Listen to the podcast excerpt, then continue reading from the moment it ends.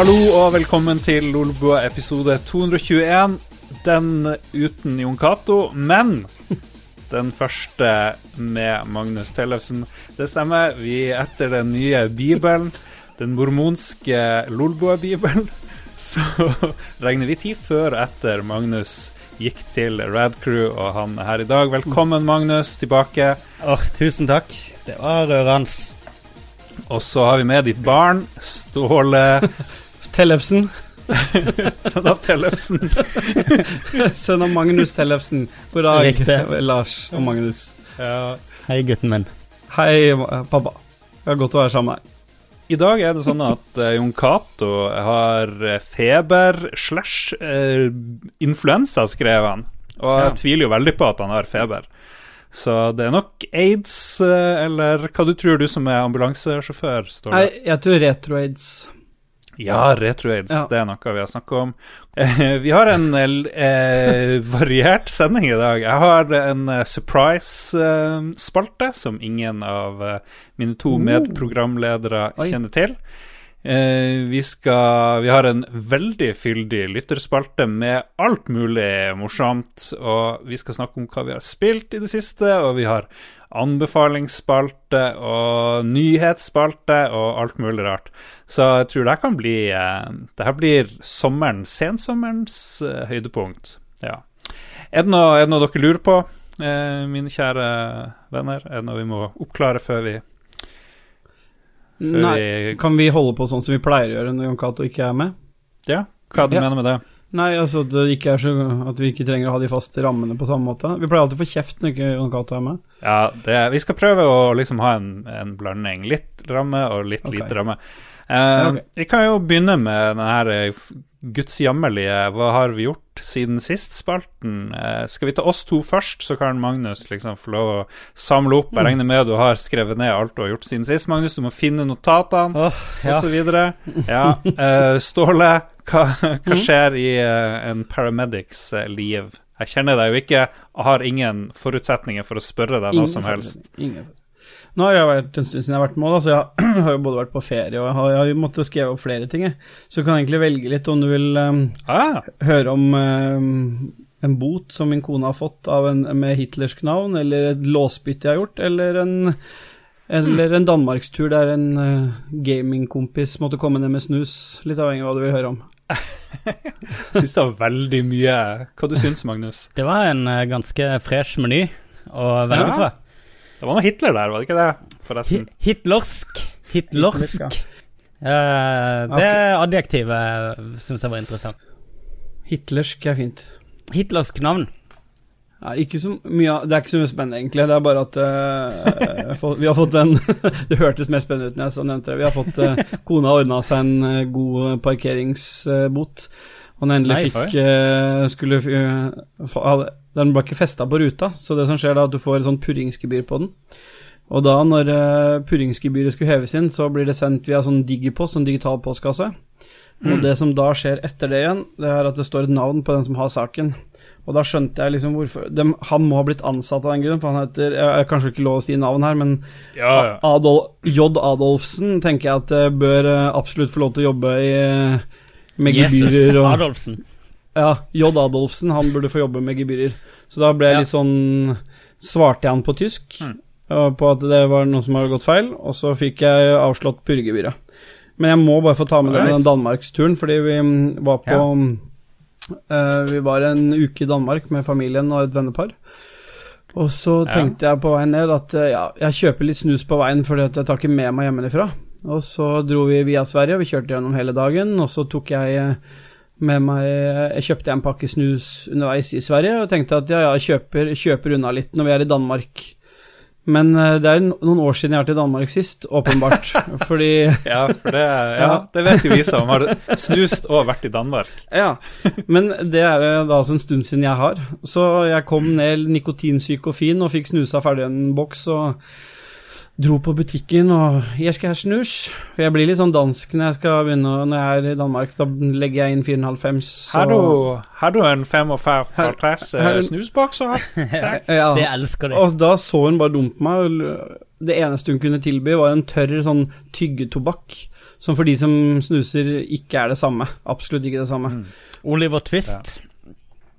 Oliver Eh. Twist, ja. Så i min sånn eh, begynte å kjenne svettetoktene, og jeg begynte å kjenne jeg ble sånn engstelig for hva er dette for noe, siden du ikke visste hva det var.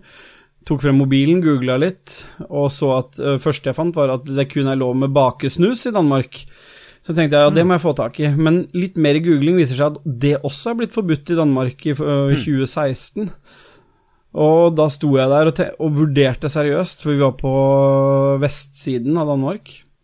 Og vurderte seriøst å sette meg i bilen, kjøre hele veien over til svenskegrensa, inkludert ferjer og bo... Jeg kjente sånn fælt, tenkte jeg, og kona, og kona var enig i at det var et godt forslag, for hun syntes det var, ble for lang uke at jeg skulle gå uten snus. Men i en, i en sånn gledens lykke så er det en eh, herremann ved Kristoffer Bauk, som både er politimann og fast entourage og Lolbø-lytter, som um, tilfeldigvis skrev at han skulle ned til Tyskland, og så så jeg mitt snitt i Ah. Sende han en melding. Så klokken tre på natten på den tirsdagen vi kom ned på lørdag kveld, da sto han på døra med, en, eh, med ti pakker snus. Especially delivered for me. Han skulle ikke engang den veien, så han, måtte, han kjørte to timer omvei for å komme, komme på et hus i Danmark med snus. Det er som et Danmark kapittel i siste revejakt av dette her. eh. Ja, det føltes litt sånn også. Ja. Men, Så- men to timer, da kjører du gjennom Danmark tre ganger, gjør du ikke det? Så det er jo det? ikke så Nei. ja, Nei, det, det gjør du sikkert ikke. Ok, men det var Drev du da og så tok du vare på de her utbrukte snusgreiene dine, og så bare resirkulerte det? For det er sånn som man bruker å gjøre når man. Ja, går tom. det ble gjort. Jeg skamma meg over det. Ja. Mm. Gratulerer. Takk. Addicts. Du er syk, du er et sykt menneske. Jeg er det, og jeg kan, jeg kan få hjelp. Det er ikke din Ja. skyld, Ståle. Nei, Det er ikke andre. din skyld. Jeg kan, ehm, jeg kan ta og fortelle at eh, du er kanskje syk, Ståle. Jeg er mye sykere. Jeg har drevet og sett på utdrag Mm. fra X- X on the beach på, eh, på VG. Eh, VG har liksom fått en deal, tror jeg, med TV Norge eller Fem. Fem Ja. skal vise det der. Og jeg må si jeg, jeg kommer garantert til å se X on the beach. Kan jeg fortelle noe morsomt i, tillegg til det der? Ja. Han jeg snakka om som leverte snusen, han ble ringt etter for å være med i programmet, men nekta fordi han, jo, ja, fordi han jobber som politi, så han tenkte det ble litt sånn. Han kunne ikke gå tilbake igjen. Men en morsom fun fact. Wow. Ok. Mm. Eh, det må vi få vite mer om etter hvert. Men liksom, hva dere, hva dere syns er det innafor å få lyst til å se der? Ex on the Beach? Jeg ser jo ikke Paradise Hotel eller noe, men her er det visstnok Det er så out there at uh, Mm. det, det første klippet man får se på VG, da da jeg så det, var at de snakka med ei dame, og hva var det hun var ute etter? Jo, hun var ute etter kuk. det var liksom Ja, men jeg har noen sånne Jeg var en av deltakerne som beskrev drømmedama si. En Mm. rakettforsker med store bryster. Mens han Ja. selv var opptatt av god litteratur og analsex. De de har lett etter gode folk. Jeg tror de har saumfart Norge etter de mest grove Ja, ja. folkene. All day, every day.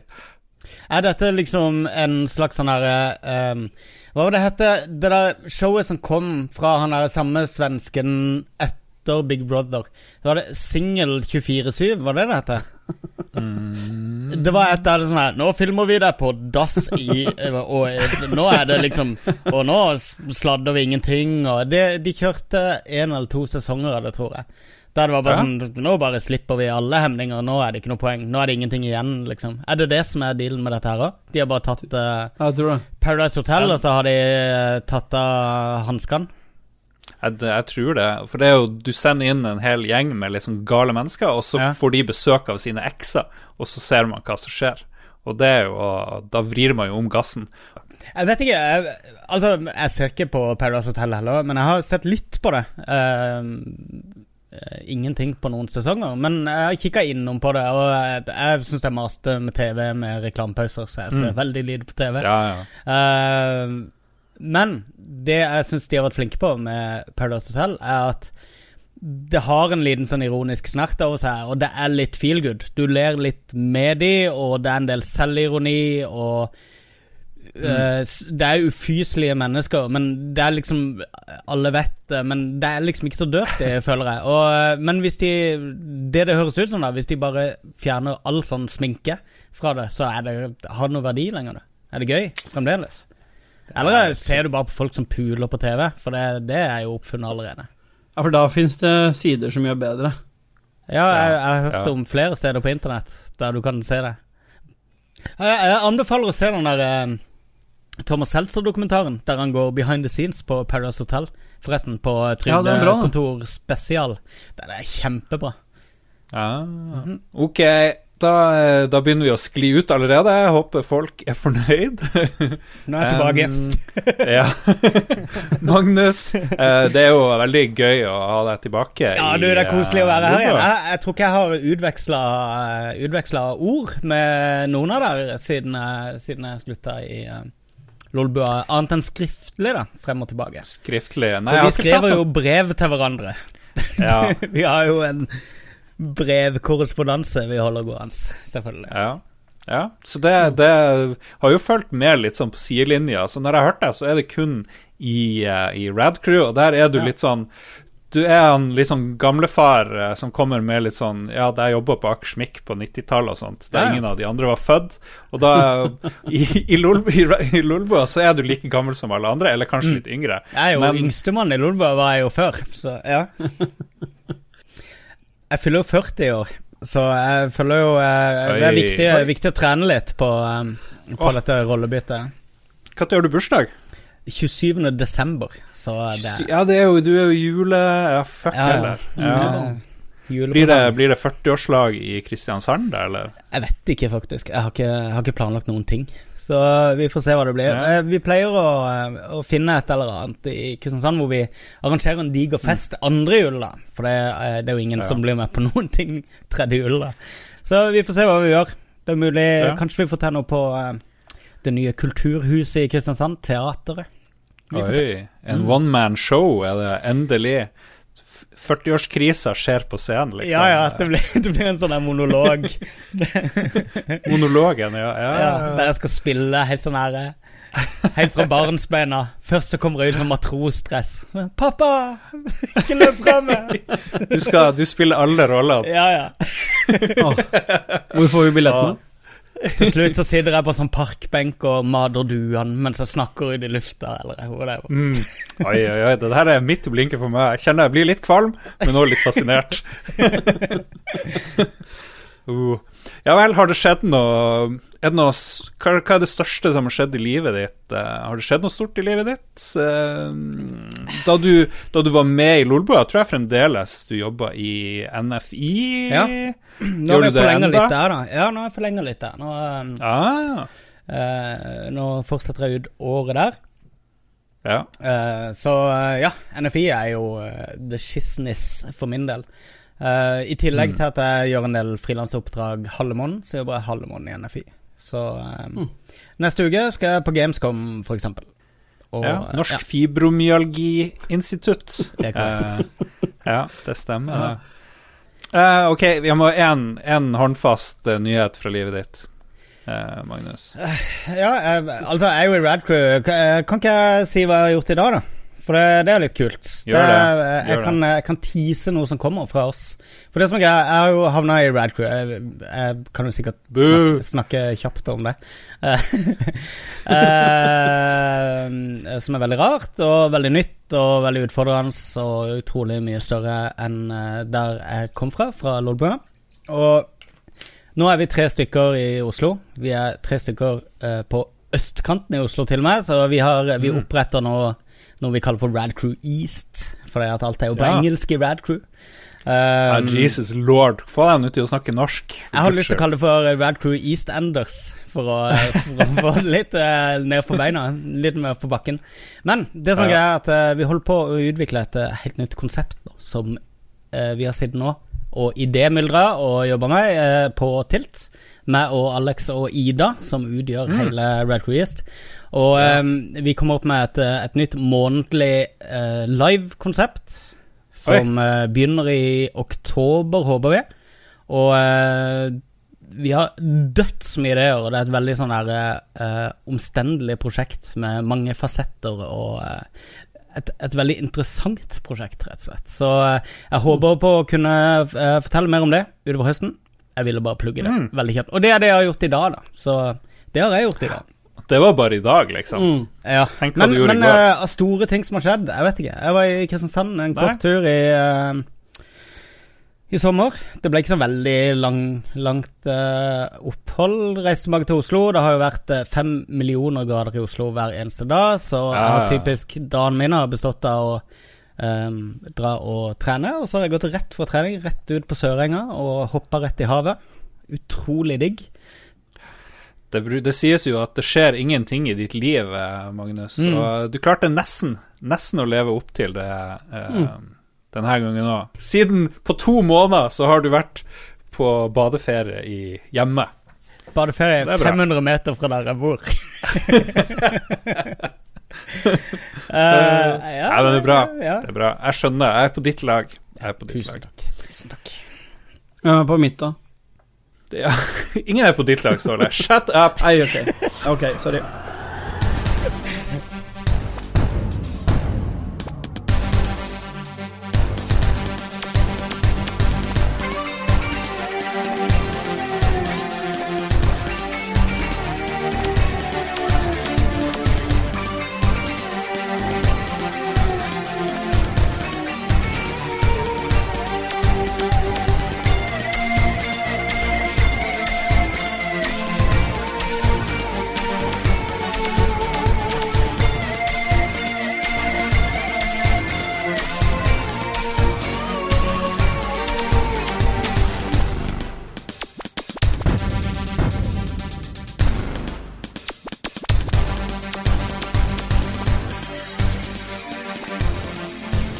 Vi er tilbake med nyheter, og um, vi har i hvert fall to nyheter. Uh, litt s- Tro det eller ei, vi har ikke jobba hardt med nyhetsspalten denne gangen heller. Uh, ba Ståle om å finne en tredje nyhet. Mens, mens vi andre holder på, kan du få lov å finne en tredje nyhet, Ståle. Hva er den beste nyheten du klarer å finne frem til den må på? Dette er som en ekte nyhetsredaksjon. Jeg introduserer dere til uh, uh, Norges svar på, på Alex Jones. Vår egen nyhetsmann er tilbake. Tar veldig godt uh, sønnen til Arve Tellefsen, Magnus Tellefsen. All right. Nyhet nummer én. Regissør av filmversjonen av Uncharted, Sean Levy, sier at eh, filminga snart kan starte. Vi har et godt manus og ei stjerne i Tom Holland. Det er en film jeg er svært begeistra over, sier regissøren. Tom Holland er kjent som den lille gutten som de siste årene har spilt Spiderman, eller Peter Parker, som mange kjenner han som. Ja. Tom Holland som, uh, som sånn Uncharted-helt. Hva er det for noe drit? Han er jo knapt ti år gammel. Kanskje han skal spille unge Ja. Uh, Drake? Ja, ja, ja. Du, Det er det i Uncharted 3, der du spiller han som ung. Eh, Nei, treeren og fireren, så spiller du han som ung. Her. ja. Og i fireren så er det vel litt på den alderen der. ja, ja. Jo, han kan spille han som unge, og det er greit, men det blir sånn young Indiana Jones, og vi vet jo hvordan det bruker å gå. Ja, men men kanskje det er sånn som uh, Indiana Jones, der han er young Indiana Jones helt i begynnelsen, og så går han over til old Indiana Jones. ja, det er bra. Det er bra. Mye mulig. Eh, eh, eh, han der Sean Levy, når han sier at dette er en film jeg er svært begeistret over, så tenker jeg fuck off, alt du sier er bare tull. Jeg klarer ikke å ta deg seriøst, uh, egentlig. Så Hva snakka vi om nå? Kan vi ta det en gang til? Du har allerede ordna en tredje nyhet her, Ståle. Ser Ja. du smiler bredt. Veldig bra. Ja. Ok, neste nyhet, Nyhet. Magnus. Nummer død. Tidligere IGN-journalist Philip Musin, eller Mukin, Musin, fikk sparken etter at det ble klart at han kopierte teksten til andre anmeldere og presenterte meningene sine som sine egne. Fy, sier Lolbua, som i hovedsak kopierte denne teksten fra kotaku.com. Ja. Ja, me metaplagiat. Det er meta. Men, ja, men det, det er ikke lov å kopiere en anmeldelse. Men en nyhet, det kan du fint kopiere. Der er det liksom ingen uh, Ingenting som stopper deg. Er ikke det sant? Magnus, du som har vært redaktør og greier. Hva mener du? At eh, eh, Jo, altså, du, eh, du siterer jo nyheter. Ja. Det, det er jo Ja. greit. Altså, en nyhet er jo en nyhet, det er jo noe som har skjedd. Men eh, har dere sett sammenligningene av Eller var det Ja. han Jason Schreier, er det den heter, i Kotaku, som hadde en Mm. flott oppsummering? Og det er jo ganske tydelig at det er rent plagiat. Sånn pinlig plagiat. Hvis han sa etter sin anmeldelse sier eh, Jeg vet ikke hva den heter. Ja. Double, doublesteel.com. Det er en annen side. Eh, ja, at han bare sånn herre Nei, nei, det var et stort sitat. Ja, stort sitat. Jeg, jeg gjorde sånne her eh, air quotes før jeg begynte å si det. Jeg har lygekors bak ryggen. Nei, selvfølgelig skal du ikke plagiere, og det var ganske tydelig at han gjorde det, men og så ser jeg for mange folk spør seg liksom, hvorfor gjorde han det. De kan ikke skjønne hvorfor han bare ikke spilte spillet sjøl og lagde sin egen anmeldelse. Men jeg syns svaret, som tidligere anmelder, anmeldte mye mer før, nå gjør jeg det ganske lite. Eh, Det, jo, det tar jo faen meg sykt mye tid å skulle anmelde spill. Det tar Ja. masse, masse tid. Det samme som annen eh, journalistikk. Det tar sykt mye tid hvis du skal gjøre det grundig.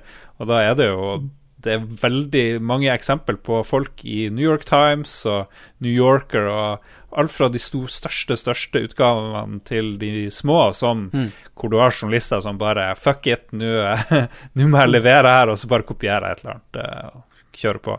Jo, Så- men eh, det virker jo som han er litt sånn synsforvirra. Altså at at han Mm.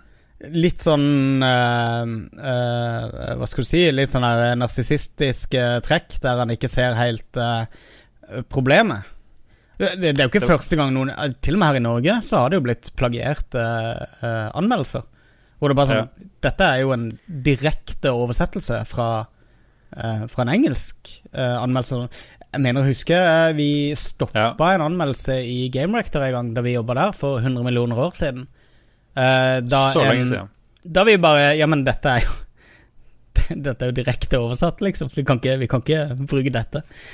Så Ja. eh, folk, folk gjør det. Jeg, jeg vet ikke hva som får folk til å Noen vil bare se verden eh, brenne. Jeg tror de bare De har for dårlig tid, eller de har skulket. Det er de som skulker og kopierer leksa si. Men har dere nettopp fått jobb i IGN, da? Jeg vet ikke. Og så har han liksom klart å lire av seg to plagiatanmeldelser, i hvert fall, da, som jeg har funnet. Mm. Ja, Eh, sikkert flere. Ok, uh, vi har Du fikk oppgave, Ståle, å uh, flekke frem en tredje nyhet. Har du dikta den opp? Er den uh, Nei, den fake er direkte akkurat det vi har snakka om nå. For det var det eneste jeg rakk å gjøre, så det er ikke fake news. Det er direkte kopiert, så da får gamer.no få credsen, da. For da gjør vi vel ikke noe gærent. Kulturministeren sier at Norsk Tipping får jobbe med tipping i e-sport. Nå har jeg gitt klarsignal til Norsk Tipping og til Nordligaen om at de kan inngå et samarbeid om tippinga på e-sportturneringer, sier kulturministeren. Nå er det opp til aktørene selv å lage en avtale, men nå er det i alle fall ikke et nei fra Kulturdepartementet. Vi ønsker en slik avtale Vi ønsker at en slik avtale gjerne må inngås, fortalte hun. Ok, det, var, det visste jeg ikke. Det var en morsom, eh, morsom nyhet. Vi snakker jo veldig lite om e-sport og sånne ting i Lolbua, fordi vi syns det er Jeg vet ikke, vi følger ikke med, men kan det her hjelpe liksom f.eks. Telenor, Telenor-ligaen? Jeg vet ikke. Hjelper det liksom selve sporten at folk driver og tipper? For de har jo ikke lov å reklamere for den her tippinga. Jeg vil bare få kontrollere, tror du ikke det? da? For Istedenfor at det går til andre aktører eh, som, mm. som ikke er tillatt her til land, sånn som TV3, Betson og alle disse her. At uh, hvis man inngår Ja. gode avtaler med Norsk Tipping, så er det lettere å ha en kontroll med det. Jeg tror ikke det er mm, vekstgrunnlag for e-sport sin del. Jeg tror det er mer, eh, mer enn at man er opptatt av å få en liten kontroll med hvor De er. legaliserer det, så de kan regulere og skattlegge det. Det er riktig. Det er riktig. ja. Jeg snakker ikke om drugs i det hele tatt. Eh, jeg syns jo det er spennende, et spennende utspill fra eh, kulturministeren. eh, med tanke på at det ble vel avdekt for bare en måned eller to siden, dette her laget som juksa i Telenor-ligaen. Jeg syns kanskje det var litt tidlig etter en sånn avsløring av juks, at man igangsetter en sånn her offentlig godkjenning av, av tipping. Uh, ville kanskje kvalitetssikra det litt uh, bedre. Uh, nå kjenner jeg jo flere av de som er involvert i Tel- Telenor-ligaen, så de er sikkert dritsure på meg nå. Men, men det var jo Da jeg fikk med der dette, gjorde jeg ikke det. Det var jo ganske mye drama rundt det. Et, eget, et lag som viste seg at de hadde sittet aktivt og, og cheata Ja. seg gjennom sånne tidligere runder, da. Overwatch? Nei, nei CS var det. Counter-Strike. Ja, okay. uh, og Ja. jeg, tror, jeg tror i hvert fall at uh, de må komme opp med en måte å 100 kvalitetssikre akkurat det der. Sikre at det er 0 sjanse for juks hvis du skal involvere uh, tipping og ekte penger. Men du kan jo ikke, hvis et lag sitter på garderoben og blir enige om at nå skal vi tape fordi er det noe, en eller annen grunn? Nei, det er altså å oppdage det. kampfiksing, er jo vanskeligere å Men dette var ikke kampfiksing de sa det drev Ja. med. Det var jo eh, aimbots og hele Ja. sulamitten som gjorde at de vant masse. Jeg, jeg håper at det blir etablert en ordentlig eh, e-sportliga som, som holder seg stabil fremover. Vi trenger det i Norge. Bare se på svenskene. De er jo fuckings verdensmestere i alt som har med e-sport å gjøre. Ok, da er vi ferdig med nyhetene. Vanligvis så skulle vi der gått over til eh, musikk og neste spalte, som er hva vi har spilt siden sist. Men vi har eh, avbryter denne sendinga fordi vi har en eh, helt spesial, uh, superspennende replay av en gammel spalte som heter Quiz med Quizmasteren! Oi, oi. Fordi Yes. vi har nå den unike situasjonen at vi har den gamle Microsoft-sjefen vår i Lolbua på plass, eh, Magnus Tellefsen, Jeg skjønner hvor du vil. fikk betalt store summer, og vi har nå det nye eh, Microsoft eh, liksom talerøret, Mm. selvfølgelig Ståle eh, Benjamin Mm. Baldvinsson og eh, Netanyahu. Netanyahu. Jeg fikk nytt navn der. Det var bra. Og quizen går selvfølgelig på eh, kunnskap om eh, Microsoft, og der har Magnus fått kjørt seg en del ganger. Hver gang det kommer en gjest som er litt fan av Microsoft, eller ikke, så har du blitt liksom Du måtte liksom kjempe. Eh, Jeg tror jeg har tapt. styrke. Tapt én og Nei, tapt, jeg har vunnet én og tapt resten, tror jeg. Ja, det, det er ingen, ingen som holder tellinga. Du, er, du har ikke tapt noen gang mot Ståle. Så det vi gjør nå, vi har fem spørsmål. Oi, oi. Um, og de som ikke vet det, hver uh, første tirsdag i måneden, er det? Så har du quiz i Oslo? eh, Ja, noenlunde. noe neste quizen vi skal ha, er faktisk på eh, sesongstart på Tilt. Det er Mm. på selveste 9-11, så da håper vi at, Ah. eh, at folk kommer og, og feirer sammen med oss. Nei, det var Feirer med et smell. Det blir i hvert fall Vi, vi snakka om dette her er en sånn gavepakke for tematikk på hele quizen vår. Det, det, var, det var sånn 100 forskjellige temaer vi kunne plukke og, og være dagsaktuelle. Så det blir en gøyal quiz, håper jeg. Første spørsmål. Hvilket år ble Microsoft starta eller stifta, alt ettersom? Her er det bare å gjette. Ingen, ikke lov å google. Eh, folk i quizen kan selvfølgelig være med og tippe her.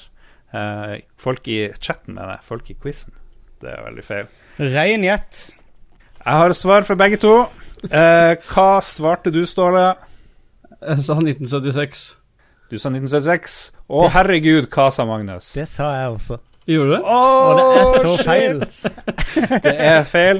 Det er 1975 som Oi. er Oi, Der er ja, men det var ikke gærent gjetta. Det var shit. veldig bra. Det var veldig bra. Dette lover Eh, godt, altså. Ja. Hvem starta selskapet Microsoft? Hvem starta Microsoft? Var det én person? Var det to personer? Det, det var kanskje én eller to. Det var i hvert fall én, kan jeg love dere. Dere må tenke hardt. Eh, Nå ser jeg at eh, chatten er i fyr og flamme her. De har sendt inn masse svar. Nei, det har de ikke gjort. Ingen svar der. Ingen svar der. Men de er jo på delay, da, så det er jo for så vidt greit. Der. Jeg har fått svar fra Magnus. Jeg har fått svar fra begge to, Ja. tror jeg. Der, ja. Jeg har fått Hva du sier, eh, Ståle? Jeg sa det eneste høyeste Bill Gates. Ja, og hva sa Magnus Tellefsen? Jeg tenkte at jeg skulle prøve å liksom å eh, klore til meg et ekstrapoeng, men i hvert fall si at jeg Ja. visste at det var Altså, jeg skrev Bill Gates og en dude. Ja, det stemmer. Det er Bill Gates and en dude. Og det er helt riktig, så det er et poeng, faktisk. Det er helt riktig. For han var bare en dude. Du får Magnus får 1,5 poeng for det. Yes! Ståle får kun ett poeng for det. Sånn, Ja. sånn går det. Du glemte han duden som heter Paul Allen. Heter han. Ja, Paul Allen, selvfølgelig. og hva er mer morsomt enn å få spørsmål om navn? Jo, det er enda flere spørsmål om navn. Og vi spør derfor uh, Hva er Bill Gates sitt fulle navn? Fulle navn. Har han ett navn, to navn, tre navn eller fire navn? Det er mulig han faktisk har fire, fire deler av navnet. Har han et navn som ligner litt på Tom Cruise sitt navn? Kanskje, kanskje, muligens. Er det noen som vet Tom Cruise sitt ekte navn? Det er jo Eh, og der har vi fått inn et svar fra Ståle. oi, oi, oi. Nei, nei, Ok. Ståle Nei, ok, Magnus først. Hva heter Jeg var ikke så kreativ. Hva Jeg heter Bill for- Gates på ordentlig? Ja, han heter William Gates. Nei, det er helt rett, det er helt rett, men han heter mer. Ja, ja. ja så det er ikke feil. Og, og Ståle, hva du sier at han heter? Nei, det vet ikke jeg, så jeg sa Billabongong Gataru. Så du har verken William eller Bill eh, med Jo, det er der. bi, Men du bi, har Billabong Gong Gate Getaru. Ok, det er litt sånn japansk. Mm. Ok, ok, du har Det vi eh, pleier å gjøre i spillquizen, da eh, Vi pleier Mm. å ha en ganske sånn sterk bias mot de der som absolutt skal bruke japansk tittelnavn når de skal svare Ah. på, på helt vanlige spørsmål. Liksom Mm. sånn der Hva er undertittelen på God of War 2? Så kommer de med den japanske undertittelen, så fuck de. Da får de Ja. ikke Ja. poeng. Han har fire navn. Han heter William Henry Gates the Third. Jeg tenker tre er liksom eh, det fjerde navnet. Yes. Uh, og her blir det ett poeng per navn, så Magnus får to poeng. Og jeg ser bare ett navn som ligner på Gates, eller noe som ligner, så du får ett poeng. Du sa du fikk Beklager. poeng for, eh, for fantasi òg, sa du, før svaret blitt. Ok, du får to poeng, du òg. Det er helt greit. Jeg hadde tenkt var være Yay! morsom og skrive Billiam Gates, men det er jeg glad jeg ikke gjorde. det Ja, skal vi se. Eh, vi er snart ferdig. Vi har bare to Alright. spørsmål igjen. Eh. Magnus leder med 3,5 poeng mot 3, men det er ganske nært, så alt, Har jeg tre alt poeng? kan skje. Yes. Ja, du klarte å skrike deg til eh, to Ja. poeng på slutten. Skal vi se. Eh, når ble Xbox One lansert i Norge? Det her har eh, Magnus måttet svare på før. Ja. Eh, jeg vil ha datoen. Eh, nærmest, nærmest til datoen vinner. Dere er jo begge to Mm. hardcore, eller har vært hardcore eh, Xbox One-fans. eh, begynner å dra på årene. eh, den Ja, her, gjør det. eh, Jeg aner ikke. Herregud, Nei. datoer kan jeg ikke. Nei, det er et helvete. Jeg hadde ikke klart noen av de her eh, spørsmålene, så jeg syns dere er ganske flinke. uh, Skal ikke være lett når det er quiz med quizmasteren. nei, det er sant. Det er sant. Det er, Må jeg bare tenke litt her. ok, nå har jeg fått fra Magnus. Kom igjen, Ståle. Ja, da blir august. Motherfucker. Der, ja. Ok, hva du sa. Ståle? Hva du sa, Nei, Ståle? jeg gjetta på august 2014. Og Magnus gjetta på Jeg skrev 15. februar 2014. 15. februar. 5. september 2014 er det. Var det på høsten. ja. betyr at Ståle får ett poeng, og leder da fire mot 3,5 poeng Oi, oi, i siste runde, hvor eh, det tar helt av her. Um, og det blir nå Clash of the Titans her. Ja, det er nå Og Nå er tema Sea of Thieves også. Liten advantage eh, til eh, Ståle, kanskje, men Ja, det er ikke sikkert. Men Hvilken dato ble Sea of Thieves gitt ut, folkens? Hvilken dato kom Sea of Thieves? Her kan alt skje. Veldig kjedelig å spørre om dato. Jeg skulle egentlig spørre om hvilken engine som ble brukt. Dere kan få, kan få bonuspoeng. Ja, der fikk eh, Ståle bonuspoeng. Shit! Du får, eh, det spørs hvor mye bonuspoeng du fikk. Det, det, det ligger i limbo. Er det en mulighet for at det er minuspoeng i bonus? Det er mulig at det er minuspoeng. Det er som Schrødingers katt. Vi vet ikke helt før vi Ok, begge to har eh, sendt et svar her. Um, hva du svarte, Magnus? 18. juni. 18. juni, og hva svarte Ståle? 25. mars. Oi, oi, oi, oi. Rett svar er 20. mars. Ja. Vi har Jeg husker ikke det i det hele tatt. Vi har uh, fått en ny vinner av Quiz med Quizmasteren! Men hvem vant? Det, Du vant. Å ja. du vant. Du vant. Litt ufortjent, vil ja noen det, si. jeg, noen vil nok påstå det, men uh, sånn er det.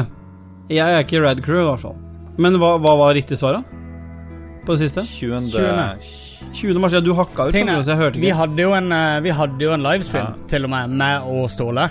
Ja, det det var det, men- Ja, mens, mens jeg fremdeles var i Lolbua, som jeg slutta Ja, ja. i 1. mai. Så uh, at jeg valgte en junidato til den lanseringa, er jo ganske hysterisk vittig, da.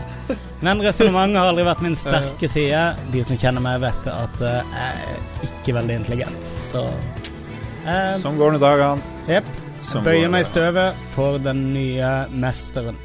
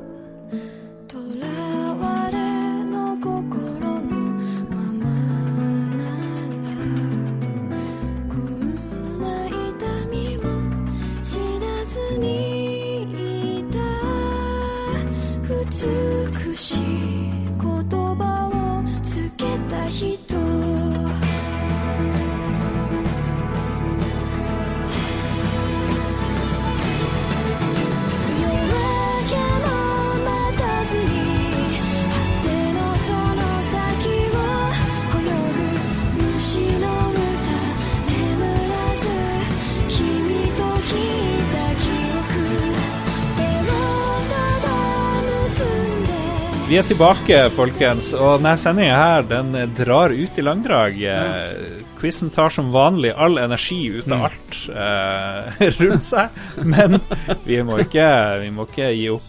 Vi skal snakke om hva vi har spilt siden sist. Og um, jeg ser, Ståle, at du har spilt uh, Sea of Thieves fremdeles. Jeg legger ned veto mot Nei, at men du det får er lov å relevant å ha det med nå. Jeg har det kun med når det er relevant. Og nå er det relevant, det vet Magnus. Det er jo ikke relevant hver eneste uke. Jo, men det har kommet en ny utvidelse i det. Ok, Når kom den? Ja, den kom nå i sommer. 20. I mars. slutten 20. juli. 20. mars. Det er jo to måneder siden. Det er ingen som bryr seg om den her Nei, har- Ja, si, du, får, du får ett minutt om den her Sea of Thieves. Nei, det er, jeg, skal, jeg skal ikke si så mye, jeg skal bare ha det med for, for the records. Det er bare å si at det er kommet AI-skip i Sea of Thieves, Cursed Sails, som er på sånne bestemte områder der du må dra opp og kan gå i allianse med andre båter og fighte skjelett, eh, sånne skelly ships. Du Ja, syns jo det var så gøy sjøl. Men det, var, det er kjempegøy. Det Og så er de, har de sånne cursed cannonball som gjør forskjellige ting mens du prøver å fighte de. Det er ganske kul uh, utvidelse til det universet. Sweet. Mm. Det er det jeg skulle si om det. Da er jeg ferdig. Ja, det er, bra. Det er bra. Um, og så har du spilt No Man's Sky, eh, har jeg hørt rykter om. Er det Første gang har jeg hørt det. Ja, for første gang. Mm. Ja, ja. Så jeg har aldri spilt noe Man's Sky før, så jeg kjøpte det til Xbox. Siden det er der man Siden det er den foretrukne spillkonsollen. Ja. Uh, så da var jeg den heldige vinner av å få lov til å betale i fullpris når jeg var på tilbud i samme periode på PlayStation. Og da fikk man jo den utvidelsen gratis, men jeg, penga skal til Microsoft, så da gjorde jeg det. Og så, har jeg testa det ut der i foreløpig 25 timer. og det er ganske kult. Eh, Det har vært veldig gøy å spille med Jeg har jo ikke spilt uten noen, så jeg har bare prøvd med, eh, med noen kompiser. Oh, ja. Men spillet er jo primært Spillet er jo Det er åpenbart at det spillet er designa for å ikke være multiplayer. Sånn at det er jo ingenting av de tingene du gjør som krever at du gjør noe sammen, eller som Det ender opp med at vi sitter i samme, i samme game og på hver vår planet og farmer etter forskjellige ting. Men det kule er at man kan dele Man kan gi hverandre ting. Da, sånn at hvis jeg står fast med noe, så kan noen kjøre og hente det, eller kjøre og komme med det og gi det til meg, eller at vi kan hjelpe hverandre hvis vi blir angrepet av noe eller noe. Så det, de åpner opp for noen muligheter, men oftest så tok endte jeg opp med liksom Jeg satt på min planet og drev med mitt, mens noen andre holdt på med sitt, selv om vi var liksom i gamechat, da. Og på samme, okay. samme server. Så det, for det har liksom ikke De har ikke endra noen av de tingene som gjør at man trenger coop. Det er bare folk har savna å ha coop, tror jeg, for å kunne dele dette her med noen, men i og med at de selv har designa spillet som en soloplayer-opplevelse, så blir det fortsatt litt det det man blir sittende Ja. igjen med. Man har liksom lyst til å gjøre forskjellige ting, og så gjør man det, og så sitter man bare og kakler med hverandre. Men ellers er jeg veldig fornøyd med spillet. Syns det var imponer imponerende artig å liksom sitte og bare sitte for meg sjøl med micromanagement og duller og ordner og Ja. Mm. Jeg syns det, var- jeg synes det var kjempeartig. Men nå har jeg sittet og sett deg stream, eller sittet og sett deg spille det før, etter dere kom ut òg. Så det føltes Ja. litt annerledes ut å gjøre det sjøl. Som jeg pleier å si til kona.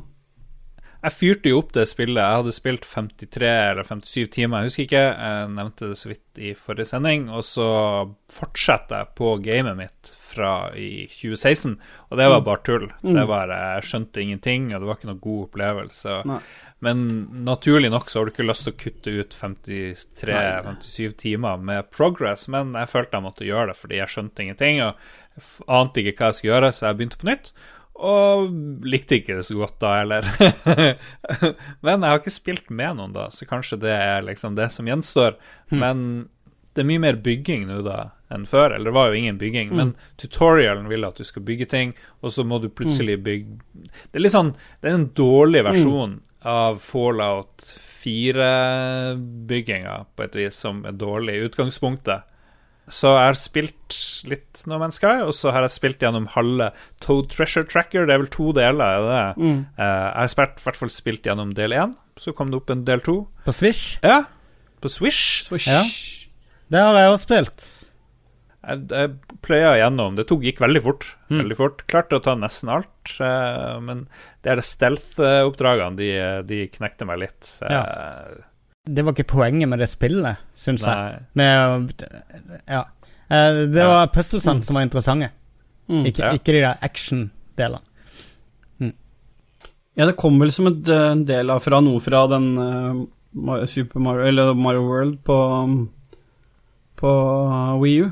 Så da hadde Toad sånne, sånne brett innimellom på det spillet. Og så tok Ja, de det, det- konseptet spillet- videre og lagde. Ja, men spillet ble jo gitt ut Det det er jo allerede Ja. gitt ut på Wii U. Ja, det vet jeg, men det kom Eh, eh. etter Super Mario 3D, eh, 3D World. Det der eneste Ja, ja riktig, fordi det var noen minigames Ja, fordi der som hadde Toad noen sånne missions der han var sånn Mm. treasure tracker, der du gjorde noen sånne puzzle-baserte, men det var ikke så mye av det. Og så ble det veldig sånn godt mottatt. Da telte du hvor mange skritt han brukte for å finne alt, husker du det? Ja, Det var ja, det liksom kan godt hende, men de tok den ideen videre i det treasure tracker-spillet.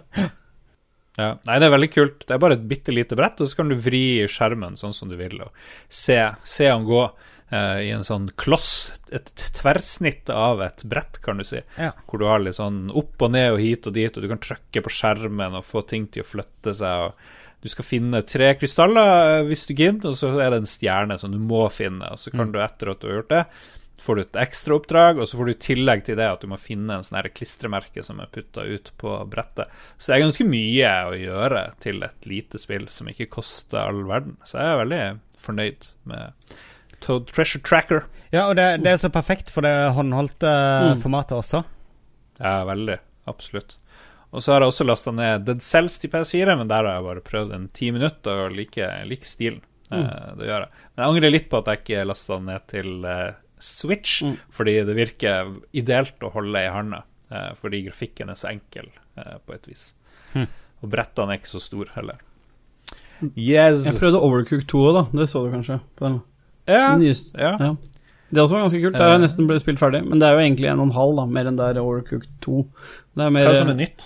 Nei, det er jo en sånn Det er jo et multiplayer-samarbeidsspill hvor du, du liksom Du skal lage en rett, og så er det, kan du være fire, kanskje? Mm. Jon. Cato anbefalte vel det en gang i tida, men, Ja, eh, ja. men det er nå ja, det men for nye lyttere, sant? noen må koke potet, noen må hakke tomater osv., og så videre, og så Mm. må alle jobbe i lag. opp, oppfølgeren har online, og oppfølgeren har kasting, og oppfølgeren har eh, litt sånn mer crazy brett, med, og litt mer japanske retter. Du skal lage mer sushi og litt sånne type ting. Ellers så er det veldig likt eh, sånn det var.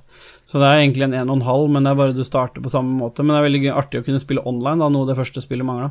Så du kan liksom sitte fire kompiser uten å måtte være i Ja. samme stue. Mer japanske retter er jo veldig eh, Mm. dårlig, dårlig valg. Hva er galt med kjøttboller i brunsaus? Hvorfor er ikke det med Nei. i eh, Nei, så de bør ta kritikk på det. Eller bare sånn fårikål. Sånne ting. Ja. Der du bare trenger Nei, bare ei gryte. Bare putt alt i gryta. Sånn. Så bare la det Skal det bare koke dritlenge. ja. Brødskive med Nugatti. Yes. Hva Ja. Hva er galt med det? Honningkorn. ja. kavring. Kavring i melk. En som må hente honningkornet, en som må hente melka. Det er skikkelig bra spill. Hør her, vi har jo allerede lagd en expansion til det. Ja, vi har Det det. er faktisk sant. Jeg jeg regner med de brukte nøyaktig så lang tid som vi gjorde nå. for, for å lage de nye tingene. Ja, vi trenger, vi, vi trenger fem andre retter. Ok. Uh, Kjøttkaker i brun saus. uh. Dere vet, uh, Singstar hadde jo en expansion for hvert land, og sikkert flere expansions innenfor hvert land. Mm. Det var liksom Det var lettere å gjøre sånne ting i noen spill, så jeg, men jeg syns det burde vært mer sånn lokal. uh, FRP-expansion, eksempel, eh, på, på Prison Architect, hvor liksom ingen kommer ut. det bare Det er vel andre Bortsett fra- Bortsett fra hvis du er i Frp, selvfølgelig. Da Ja, riktig. ut. Ja, og så videre. Eh, Dårlig, dårlig Korttenkt ideer fra meg. Og eh, brennheit politisk, politisk satire fra Lars her. Det er Brought to you by uh, og Dere ser ikke, men det er Hibiki, uh, Suntory whisky, til ære for uh, Ja, se mine gjester i dag. Å, mine herregud. Sier du å drikke medprogramledere. whisky, Lars? Har du ikke skjønt det for lenge siden? Du, vet du hva? Jeg burde jo egentlig finne frem avskjedswhiskyen fra Lolbø, burde jeg ikke det? Mm. Uh, ja, det Den er, det, det er bare special occasions. Jeg tror bare jeg har drukket den én gang før, og det var i tre sendinger med Med Radcrew, Mm. faktisk. Da tror jeg jeg Ja. drakk den. Da, da du var Nice. innom i chatfelt eh, eller chat eh, en liten periode, Lars. Gi meg to sekunder, Ja, ja, kom tilbake. Oi, oi, oi. Se på den der! Highland fucking Park. Um, Oi, oi, jeg ble jo så full på eh, den episode 100 at um, eh, 200. 200. At jeg husker jo ikke at vi ble ferdig med innspillinga engang. da hadde jeg blekka ut for lengst. Og uh, Du hadde noen gode resonnementer på slutten der. Helt sikkert ikke. Og uh, um, jeg så gjennom disse bildene som Christian Kjessheim hadde lagt ut på, på Facebook, og så plutselig så jeg bilder at jeg får over, overrukket en sånn whisky. Så jeg, gikk det kaldt nedover ryggen på meg. Stemmer det, den var jo dritdyr! Hvor har jeg gjort av den hen? For den var ikke hjemme hos meg. Eh, så fant jeg ut at jeg, jeg hadde gjemt den i diskobua på Torgata bar, og der lå han ennå. Jeg var livredd i mange timer der og lovde dere på tro og ære at jeg skulle kjøpe ny flaske hvis det viste seg at jeg hadde visst den, og Ja, ja. Ja, det er jo risikosport å gi bort sprit når vi er ute og drikker, da. Det er, Ja, det er en del av gamet. ja, ja, ja. ja, ja. Tusen takk. Og god er han i hvert fall. Dritgod. Det er veldig bra. veldig bra Yes. Ja, Viskebua Gøy med litt konge. anekdoter, da. Litt gamle dager. Og, ja, ja. Ja, nei, nå koser vi oss, som de sier i eh, TV 2. Nå har vi det greit, dere. Ja. Skal vi se. Det er en mann som ikke har fortalt hva han har spilt siden sist, og vi kan røpe at i natt så kommer det en ny eh, World of Warcraft expansion som jeg ikke har anelse hva heter, men jeg er ganske sikker på at eh, Magnus eh, vet hva den heter, og han har forberedt seg kraftig. Den heter Battle for Azeroth og eh, slippes i natt. Ja. Um, ja, jeg er jo på Vov-kjøret igjen. Uh, så til de fuckings grader. Jeg har satt meg ordentlig inn i Jeg har tatt et sånn ordentlig dypdykk i Lauren også. Så denne gangen er jeg psyko forberedt på uh, hvor hele universet står nå. Eh, altså hvor alle de sentrale skikkelsene står, sånn storymessig, og uh, utviklinga med de, og hvilke hvilken dramatikk ting bygger opp til, og hvilke allianser du har, hvilke kommende konflikter du har, osv. Um, Time på time på time med, med YouTube-videoer har hjulpet meg med det. Jeg har i tillegg så har jeg mens jeg har trent, så har jeg hatt eh, boka Battle for Nei, Before the Storm. Eh, har jeg hatt på lydbok, som jeg for øvrig anbefaler. Det er min uh, anbefaling, sikkert. Jeg har sikkert flere Oi. anbefalinger. Um, Spoiler. ja, men kjempebra eh, voice acting, og eh, det er lagt på musikk og litt lydeffekter og alt sånt der, der de spiller seg gjennom en, en slags sånn oppkjøring til handlinga i Battle for Azeroth. Jeg tror lydboka okay. er på ni og en halv time, så absolutt verdt å uh, ta for seg. Er det Kjører du uh, Audible, eller kjører du Ja, Audible, noe ja. mer Mm. uoffisielt? Ja. Eh, for det, det var Men fins det, men, ja. unnskyld, finnes det noe hvis, hvis jeg liksom vil sette meg inn i Vovlåren mm. helt fra starten av, liksom. Ja. er det noen bøker jeg kan uh, høre på lydbok, f.eks.? Jeg er blitt litt fan av lydbøker. Det er trang fødsel, men jeg har hørt to lydbøker i siste uka, faktisk. Ja, du har det. Jeg er liksom, ja. Kjempeglad i det. det. er- Det er blitt min sånn treningslyd. fordi at Mm. uh, hvis du fokuserer på en story, så klarer du ikke fokusere på, på mer enn Altså, hvis du fokuserer på treninga du holder på med, og du fokuserer på storyen, så er hjernen har ikke kapasitet til å ense Ja. noen ting som skjer rundt deg. Så det er bare de to tingene som skjer, da. Ikke sant? Så det er en veldig bra måte å, å komme inn i bobla på, da. Um, ja, så eh, high five, Lars. Gøy at du er i gang med lydbøker. Ja. ja. Men det er bare hvis du har et tips til folk, er det Hvis noen du- bøker man, noen andre bøker du bør sjekke ut? Altså, du kan gjøre sånn som både meg og Jon Cato har gjort, og uh, gå i gang og lese på en måte det, De har eh, begynt å slippe en sånn sammen eh, eh, Hva heter det? Sånn kompendium som de holder på med, med der du har hele dannelsen av universet og altså etablering av mytologien og hele Mm. verdensbildet og alt sånn. Det kan du gå i gang med. Eh, veldig morsomt for all del. Men det jeg anbefaler, hvis, hvis du bare vil komme inn i storyen litt kjapt, eh, sjekk ut en dude som heter Nobel på YouTube. Fantastisk detaljert informasjon. Han snakker veldig raskt, så du kommer garantert til å ha lyst til å spole litt tilbake iblant fordi du ramler ut. Men han kjører sånne Ja. halvannen times uh, innføringer i forskjellige Han har lagd en som bare heter The Story of uh, World of Warcraft. Um, som raskt oppsummerer hele eller sånn, sånn cirka det som har skjedd, så du kommer up to speed. I tillegg da, så velger han å fortelle uh, verdenshistorien gjennom eh, enkeltpersoner. Så for eksempel Jaina Proudmore, da. Hun har vært med helt siden Warcraft 2. Så hun eh, Så når de forteller Nå ble jeg usikker på om hun var med i toeren eller treeren. Ja, uansett. Uh, vi, Vi går alltid for toeren. Alltid. For toeren. for toeren. toeren, Der, der er jeg med. Men det som er kult, er at eh, hvis du da ser disse storyene om enkeltpersonene, så forteller de Han forteller samtidig hele verdenshistorien, bare i lys av de, da, gjennom Dizzie-linse.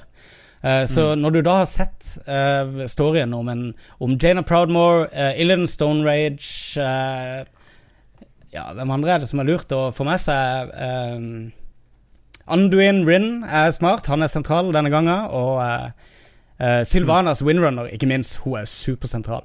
Hvis du, hvis du ser storyen til alle de fire, så vil du etter hvert få en veldig sånn sammensatt forståelse av, av hele hendelsesforløpet. Fra Warcraft 2 helt opp gjennom alle expansionsene frem til hvor vi står i dag. Og så kan du Så, eh, så uh, Som sagt, lydboka uh, Before the Storm er veldig godt forklart, og de de forventer ikke at du vet så veldig mye om universet. De forklarer det veldig fint til deg, uten å liksom snakke ned til deg. Og, ja. Men eh, Nobel Nobel lager video på video på video, og eh, er helt genial. Anbefaler han. Ja, kult, kult. Eh, det sies fra Dag Thomas i chatten at det var World of, eller Warcraft 3. Ja, ja det var derfor jeg retta meg sjøl.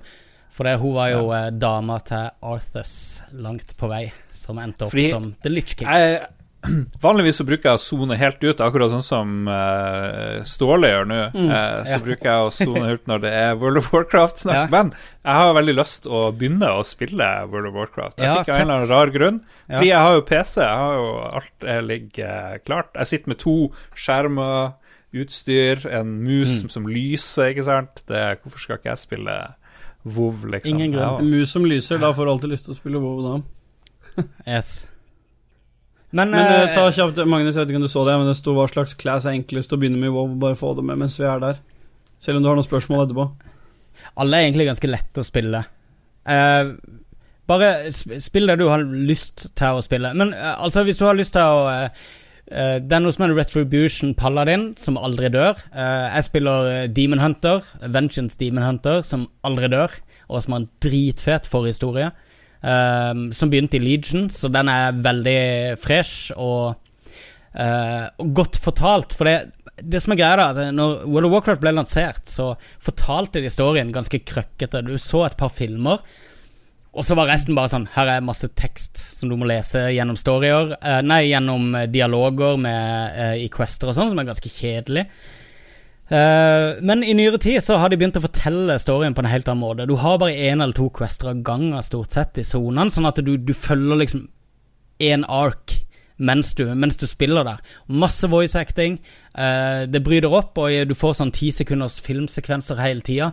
Og det, de mater deg mye mer med eh, Og det er mye viktigere nå da å forholde seg til en story. Du får mye mer kontekst i, i spillinga nå enn det du gjorde i gamle dager. da så mm. eh, hvis du er helt fersk i gamet, se, se som sagt eh, eh, The Story of Warcraft først, og se storyen til Illidan Stormrage. Det er viktig hvis du skal se eh, Hvis du skal spille eh, Demon Hunter, for han er på en måte bossen til Demon Huntere og opphavet til dem. Mm. Ja. Nå blir det jo eh, uvanlig eh, mye World of Warcraft her, men de, det fantes yeah. sånne, sånne originalservere hvor du kunne spille det sånn som det var Vanilla, ja. omtrent ved, ved no launch. Ja. Fins de fremdeles? Kan jeg liksom gå dit og få en taste først, og så bare gå, gå forbi det, og så bare Oh, yes, nå er det veldig mye bedre. Det er ingen grunn til å gjøre det. Jeg mener, altså World of Warcraft for hva, 14 år siden, det var dritt sammenligna med nå. Hadde det blitt lansert i vanillaform i dag, så hadde det Det hadde fått kanskje 200 000 spillere. Maks. Det er så spillerfiendtlig i forhold til sånn det er lagt opp nå. Det er bare at folk har mange gode minner fra da de begynte å spille WoW. Ja. Ja. Jeg vet ikke, jeg skal ikke snakke for alle. Det folk liker Ja, at ting er tungvint, og folk liker grind og sånne ting. Du har helt rett. Hvis jeg Ja. kommer så vidt i gang med noe WoW, så er jo det et mirakel. Så jeg tror Ja, vi, vi vi, har, i, eh, i det gamle. Vi har et guild som jeg også spilte i under forrige expansion mens jeg var i Lolbua. Uh, Radcrew-gildet. Nei, men jeg skal joine Jeg skal joine gildet hvis jeg, Ja. hvis jeg kommer meg i gang igjen. Det, det som er gøy nå, i hvert fall med storyen i universet, her er at eh, frem til nå så har det vært veldig mye sånn digre guder og titaner og sånne ting, og veldig mye science fiction, egentlig. Med, eh, ikke sant? Det er, det er veldig sånn store ting på gang, men, men i Battle for Azeroth nå så har det vært mye mer fokus på liksom den personlige utviklinga til mange av hovedpersonene som har vært med helt fra Warcraft 2 og 3. Så de har gått gjennom en del personlige endringer som har gjort at de har endret totalt karakter. Og uh, de er blitt uh, Det er mye mer dybde i personlighet, mye mer sånn komplekse uh, personligheter. Og eh, de er mer interessante. Det er mer usikkert hvilken retning spillet går i nå. Og det er liksom ikke bare Horde og Alliance og Burning Crusade, så er du ferdig liksom med, med factionsene. Det er mange, massevis av politikk nå, så eh, dritgøy. Jeg gleder meg til i natt. Veldig bra. veldig bra eh, Kommentar, eh, Ståle, før vi går videre. Jeg Tenker at det hørtes eh, bra ut, det.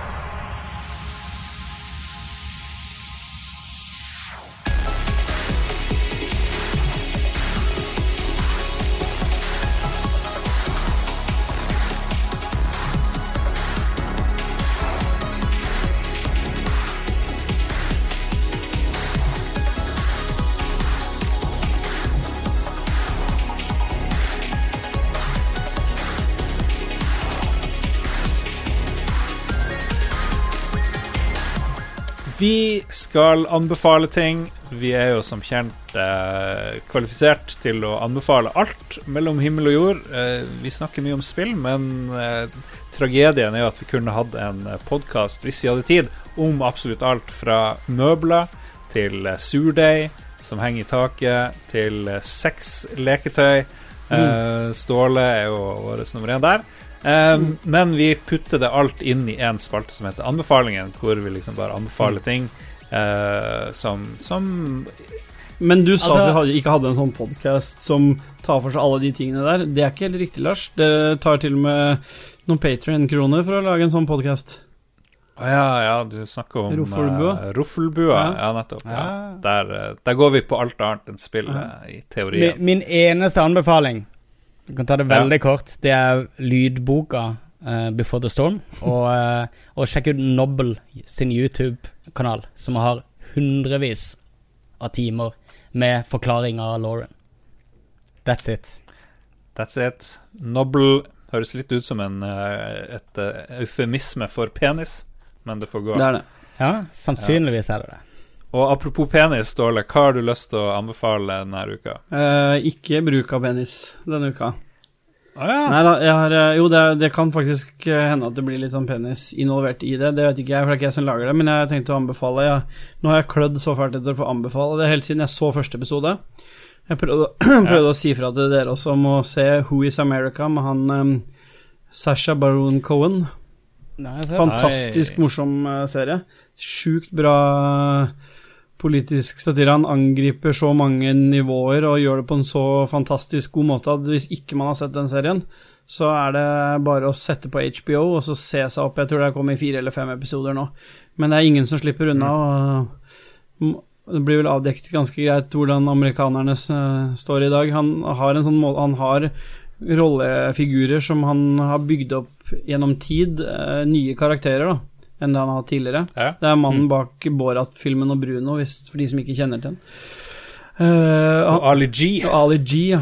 Uh, men han har bygd opp disse karakterene med alt fra nettsider til eh, dokumenter og alt mulig, sånn at han har fått tilgang på å ha intervjuer med, med disse uh, Alt fra politikere til kunstnere til ja, til hillbillies fra det er, det, Og det gjorde han jo òg Ja. som Borat og Ali G, men liksom nå så har han mange flere, masse forskjellige roller han spiller, er det ikke det? Ja, han gjør det så, og han gjør det så bra, og han får fram Han får folk eh, Det er sånn at du noen ganger lurer på om det her er skuespill fra begge sider, men det har det vist at det ikke er, da, med både så, trussel om søksmål og oppsigelser hos flere som han har intervjua. Ja. Så um, det var litt viktig for meg å få Den er såpass eh, tidvis Altså, det er, ikke, det er ikke bare humor, det er på en måte så bra gjennomført at det blir eh, Det er noe du må få med deg. Mm.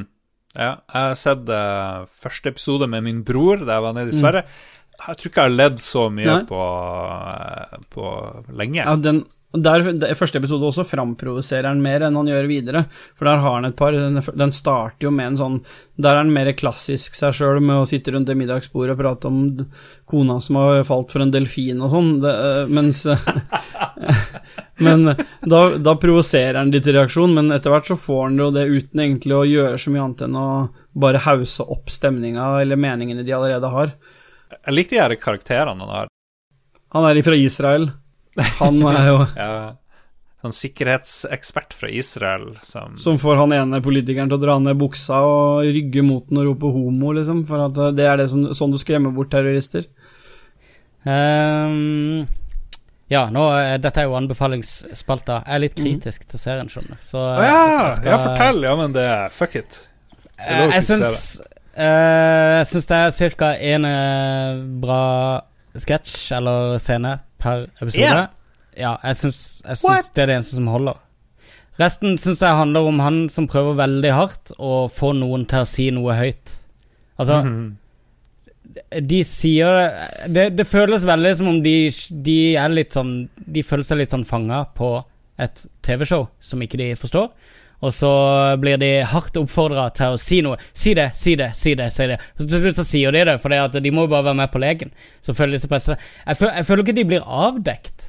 Jeg føler, jeg føler det blir mer bare at de bare blir lurt til å si forskjellige Ja, de, de, blir, de blir åpenbart lurt. Det Ja, altså, jeg vet liksom ikke hvilken, hvilken verdi det alltid har, da. Men, men det som er bra, er bra. Eh, det er kjempebra, for eksempel eh, i første episoden, denne her eh, reklamen eh, De får han her eh, våpenlobbyisten ja. til å Ja, lage da med, De får jo med halve republikanske partiet, virker det som, til av Mm. profilerte politikere til å reklamere for at barn skal ha tilgang til våpen.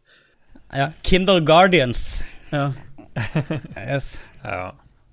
Jeg gleder meg litt til den Sarah Palin-episoden. Jeg følger jo henne på Twitter, fordi hun er jo spikspenna gal i fletta. Så eh, det kommer mye rart fra den kanten der. Og eh, ja. hun har jo vært i harnisk over Sasha Baron Cohen i lang, lang tid. Og hun ranter om han som Trump ranter om Hillary. Så eh, jeg gleder meg veldig til å se den scenen, da. Hvor, eh, Mm. hvor hun blir eh, Hvor hun skal til livs. Eh, vi skal snart over til den siste spalten, som er lytterspalten, hvor vi har ca. 30 tilbakemeldinger fra ulike folk. Så får vi se hvor langt vi kommer. Men uh, vi har det jo ikke travelt. Nei, jeg, jeg skal bare spille WoW ved midnatt, her, så vi har god Jeg må tid. få hente noen øl hvis vi skal uh, gå gjennom 30 spørsmål. ja, gå og hent øl. Vi tar en pause, folkens. Vi tar en pause. Mens folk er og går rundt og henter seg øl, og Ståle driver og stirrer inn i skjermen, jeg vet ikke helt hva han ser på, så kan jeg anbefale The Wire. Jeg har brukt øh, siste del av ferien min. Jeg begynte på jobb i dag, mandag. Um, på jobb, og siste uka så hang jeg stort sett bare hjemme og grudde meg til å begynne på jobb. Veldig dårlig uh, opplegg, men jeg fikk i hvert fall sett fire Nesten fem sesonger, alle fem sesongene av The Wire. Det er jo litt gøy at det er fem sesonger. Alle sesongene handler egentlig om en ny ting. Noe handler om skolevesenet, og eh, noe handler om fagforeninger, og alt handler selvfølgelig om politi og politikk, for det er jo det som, som går i The Wire. Men siste, siste sesongen er om uh, nyhetsredaksjoner, og det har de ganske fanga på kornet, men det er vel fordi han der uh, fyren, David Simon, er det han heter? Mm. Uh, ja, som har lagd det her. Han er, har jo vært en police reporter, eller en krim krimreporter. Har han det, ja? Jeg bare, mens dere var borte, så kjørte jeg på en kjapp anbefaling av The Wire, som Ja, jeg har jo sett mm, over fire sesonger siste uka. Det ikke, jeg trodde det var sesong fem som var den Ja. avisredaksjonen-sesongen. Jeg er så vidt i gang med Ja. den avis Femte femte Det var jo meg som anbefalte Det- det den sesongen, var det ikke det? Ja. uh, Jon. Cato har jo fått det for seg at jeg hater The Wire. Uh, jeg mener bare at uh, The Wire når ikke Sopranos til knærne engang. Og Ah. mens Sopranos har holdt seg Du, du kan se Sopranos i dag, og fremdeles Ja.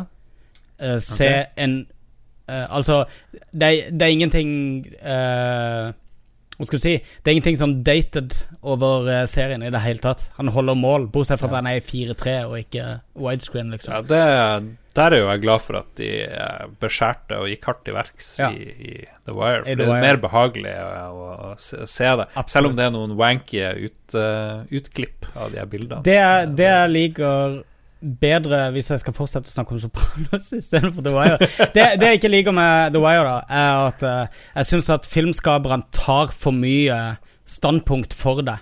Det, det er så tydelig Ja. at eh, nå prøver vi å gjøre det poenget, nå er det det poenget.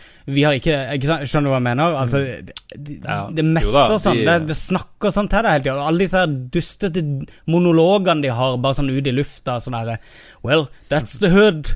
ikke sant? Sånn derre uh, That's the game.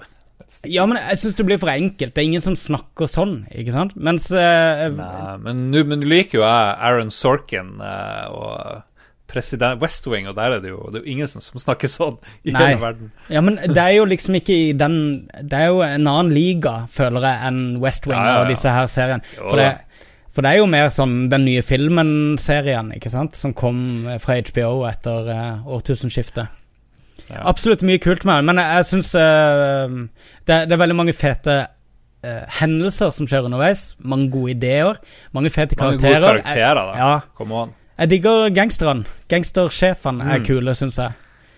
Ja. Men jeg, jeg, jeg er jo ikke sjenert, eh, så jeg tar og bare spoler forbi driten. Jeg synes kjedelig. det, I sesong fire spurte jeg nesten forbi alt av politikk, fordi jeg Ja. visste sånn cirka hva som kom til å skje, og det er jo totalt uinteressant, egentlig. Hva, hva syns du om sesong to, Lars? Med polakkene um, i havna? Baltimore havna, er det Ja. Ja, jeg, har litt issues. I ettertid så liker jeg den bedre enn da jeg så den for første gang. Jeg Ja. likte den bedre nå på andregangs uh, gjennomsyninga. Ja. Jeg gjør det. Så, det- men det- den, er, den, den går ikke så fort fremover, liksom. Nei, den er litt, litt, eh, litt seig. Men det verste er sesong fire, syns jeg, med det her skolesystemgreia. Men syns du eksempel den, den scenen hvor de sier 'fuck' 55 ganger, eller et eller annet sånt, i stedet for å ha en Jeg så ekstramaterialet ekstramateriale til, Ja. til serien. Og da er det liksom ei Ja. sånn produsentdame som trekker det frem som bare den mest geniale scenen i filmhistorien og sånn. Jeg syns han er, blir veldig gammel veldig raskt. Oh, fuck. Motherfucker.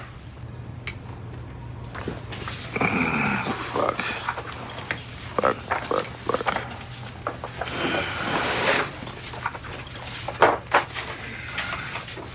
fuck. Jeg skjønte hva de holdt på med. De, Ja. liksom, de gjør masse ting, og så sier de fuck med ulik tonefall. Men jeg syns ikke de kommuniserer noe med å si det med forskjellige tonefall. De bare sier det med forskjellige tonefall. Uh, ja, ja, samme det. Jeg, var, jeg hadde også tenkt å anbefale å bytte stuebord, for det gjorde jeg. Anbefaler alle å bytte stuebord. Jeg blir Ja. Så mye mer fornøyd med stua mi. eh, Forny, fornying har veldig mye å si, det, eh, Lars. Det Ja, er Ganske effektivt mye. I kjøkken, da. Du, Ja. eh, Kan du se stuebordet fra der du sitter nå? Nei, nå er jeg bare inne på gjesterommet slash kontoret, så, ja, så du, du har begynt å anbefale ting du ikke kan se fra der du sitter? det er Det har jo skjedd eh, revolusjoner i Lolbua siden jeg var her sist uh, med her. Skal vi se. Lytterspalten, folkens. Ja, ja, ja. Yes. Skal vi se. Oh, yes. um, vi spurte og reklamerte hardt med gjenkomsten til eh, ikke Jesus, men det nærmeste du kommer, Magnus Tellefsen. Ikke langt unna. Og vi hørte om folk hadde noe de ville si til han, noe de mente vi burde diskutere alle Det la opp til en intervention, med andre ord. Alle tre. Ja, en intervention. Og det er åpent, åpent tema. Og noen ganger så slår det helt feil, men i dag så gikk det veldig bra. Vi har eh, verdens lengste liste over ting. Eh, her går det i, i alt fra surdeig til eh, Arve Tellefsen. Så vi får bare begynne øverst, Ja. eh, og så kan vi fordele det litt. Jeg starter med Christian Tjessem, som spår at hele spalten kommer til å handle om surdeig og Adidas. Og i hele showet. Og det er jo ikke så langt unna sannheten, tenker jeg. Jeg har på meg en Adidas eh, shorts, Christian, så spot on. Eh, Ja. Bak meg så er den første surdeigen jeg har eh, satt opp helt siden eh, april. Oi. Ja, faktisk. April var forrige gang jeg For det da, greia med surdeig er at du må ha en viss sånn temperatur i rommet for at den ikke skal bli altfor rask, altfor sur. Jeg, jeg bare ga opp hele bagprosjektet nå som det har vært eh, 35 grader i leiligheten, og eh, Det har jo vært over 30 grader i Oslo eh, gjennom hele sommeren. Det har vært helt idiotisk. Så helt umulig å bake, men i dag så eh, begynte temperaturen å stupe litt igjen, så jeg prøver å gjenopplive min eh, dvalende surdeig fra kjøleskapet i dag. Så det er spennende. Magisk. Og jeg har på meg Adidas shorts, så check, check, Ja. Bra jobba, Christian. Eh, noen som har lyst til å ta han Tor Helge? Ja, er det sant at du er en international hitman, Magnus? Mener jeg spør Oi, oi, oi. Ja, jeg tror det spørsmålet kom fordi vi brukte et bilde av deg hvor du ikke har på deg caps, men hvor du har en viss sånn hitman-look. Og du hadde vel strekkode i nakken òg, hadde du ikke? Ja, pluss dress, og det er jo veldig hitman. Jeg har ikke strekkode i nakken, men jeg er utstyrt med sånn chip som uh, kjæledyr for uh, gjerne en Så hvis du stikker veldig langt hjemmefra, så kan de spore Ja, deg? riktig. Mm. Uh, jeg føler i det spørsmålet så er det liksom lagt litt sånn vekt på international. Som han spør ikke om jeg er en hitman, han spør om jeg er en internasjonal hitman. Så eh, jeg er ikke en internasjonal hitman. Ikke en internasjonal hitman, Tor Helge. Bra. Uh, skal jeg ta neste? Jeg ser jo at Ja, det, det er jo et spørsmål til meg. Henrik spør Magnus om han vet hva Bofa er. Uh, jeg vet ikke. Bofa. Det, Henrik Elmaren er jo veldig unge og mer hipp enn alle oss uh, tre ja, til sammen. Bofa Skal vi se om du googler. Jeg tenker sånn at uh, den, den derre stolen du hadde fått, uh, Ståle, som, som lukta pung, var det det som var greia? Nei, Er Bofa er det ballesofa? ja. Så det er liksom en slags sånn sammenslåing. Det er sofaversjonen av den uh, Ah, stolen som Ståle har fått. Det er, det er egentlig Ja, så, Yes. så, så det du egentlig sier, er at det er en brukt sofa. Som Brukt egentlig sofa, og det funker jo også på B. Ja, brukt sofa. Men det er vel mer, det er mer en brofa. Ja, brofa. ja, men altså, det vil jo medføre det, da, potensielt. Men en gamingstol som du arver fra noen Første spørsmålet jeg stilte, er hvor mange sædceller er det igjen i den stolen? Men det var ingen angivelig. ja. Det var ingen, Den så nei. veldig ubrukt ut. Ja, den er ikke stolen brukt mye, skjønner du, men det er sikkert noen rester av noen juniorer oppi der. Men jeg har ikke, jeg har ikke gått over med sånn lilla lykt ennå. Mm. Det er jo ingen som gjør det, med Nei, tanke på sin ikke sin egen mentale helse. Jeg drev jo og, og tenkte å kjøpe meg en gamingstol, men så kom en kompis med en sånn skikkelig bra kontorstol. Gamingstolene er ganske billige og har veldig få egentlig justeringsmuligheter, spør du meg. Du kan f.eks. ikke justere det du sitter på, frem og tilbake ofte, sånn at det kommer enten nærmere eller lenger fra ryggen. Til gjengjeld så har gamingstolene mulighet sånn at du kan ligge nesten eh, helt sånn 180 grader. Kjempeviktig. det er jo fint. Veldig Ja. viktig når du gamer. Mm. Faktisk mer enn 180 grader. Du kan ligge sånn 200 grader òg i enkelte tilfeller, føler jeg. Så du litt svai i ryggen. Kan stå i bro i stolen din. Yes, det er viktig å kunne. Mm. Og det er greit når du skal tøye. Jeg prøvde jo litt sånn forsiktig å fraråde deg å kjøpe en sånn eh, racingstol, eh, Lars, da vi snakka om det sist. Det virka som du hadde bestemt deg litt, så jeg hadde ikke lyst til å si at eh, det var drit, for det, det er alltid kjipt å, når du har bestemt deg for å kjøpe noe, få høre at det er drit. Så eh, Hvis neste stolen jeg kjøper, kommer nok ikke til å være en sånn racingstol i det hele tatt. Jeg kommer til å gå for en, en, en dyr eh, kontorstol, tenker jeg. En kontorstol knuser de her eh, Ja, det gjør det. En god Ta kontorstol gjør noe. nok det. eh, PC Gamer har en egen sånn kåring av de beste gamingstolene. Og det er ganske uh, eye-opening der. Jeg tror ikke de har noen sånn racingstoler i det hele tatt. Det er bare sånn solide um, kontorstoler. Vinneren lå på liksom sånn eh, 8000 eller noe. Det er ikke så utrolig ille. Ikke for å disse stolen din, Ståle. Nei, endelig. Da, jeg blir dissa for den dissa for, Forrige gang ble jeg dissa for at jeg hadde hagestol og en liten stol. Og så når jeg endelig får meg ordentlig stol, og jeg sitter jo aldri og gamer her, det er kun en podkaststol, så blir jeg faen meg mobba for det også. Det er, eh, hva, hva skal jeg gjøre riktig? Men den stolen har jeg sjekka ut, den koster jo 2200 kroner, så å få den er jo veldig greit. Jeg liker at jeg innleder hele greia med å si at det er dårlig gjort å å si Ja. noen som har bestemt seg for et kjøp at det er dritt. så tenkte jeg ikke over at du akkurat hadde kjøpt den stolen, men det beklager jeg. Det var ikke noe snilt gjort. Ja. Nå sklir vi ut her, folkens. Vi må få fortgang i Ja, lytterspalten. ja, vi har en million av de spørsmålene. Vi, ja, vi skal ikke ha fortgang, men vi skal, vi skal kvalitetsfremgang. Skal vi se um, Jonas Røiseth uh, kommer med en brannfakkel. OJ Simpson, skyldig eller uskyldig? Jeg vet ikke om vi klarer å være så uenige her, men jeg sier uskyldig. Hansken passa ikke, så eh, han var, Ja. det var helt klart uskyldig. Jeg har sett, uh, sett dokumentaren og gjorde meg opp uh, min mening Ja. basert på den. Dag Thomas sier ingen Ja. ville brukt for liten hanske. Jeg liker at han er som dommeren her i dag. Uh, Var ikke greia at han ble råda For det, OJ gikk egentlig på noen sånne medisiner Mm. som han måtte ta jevnlig, og hvis han ikke tok det, så svulma hendene opp. Og så ble han tipsa av advokaten sin om å ikke ta de medisinene den dagen. Ja. Uh, og masse sånne. Det var så utrolig obvious. Ja, ja. Uh, obvious at han var uskyldig. Ja. Han er skyldig, sier jeg da. To på uskyldig, én på skyldig. To uskyldige, én skyldig. Den er grei.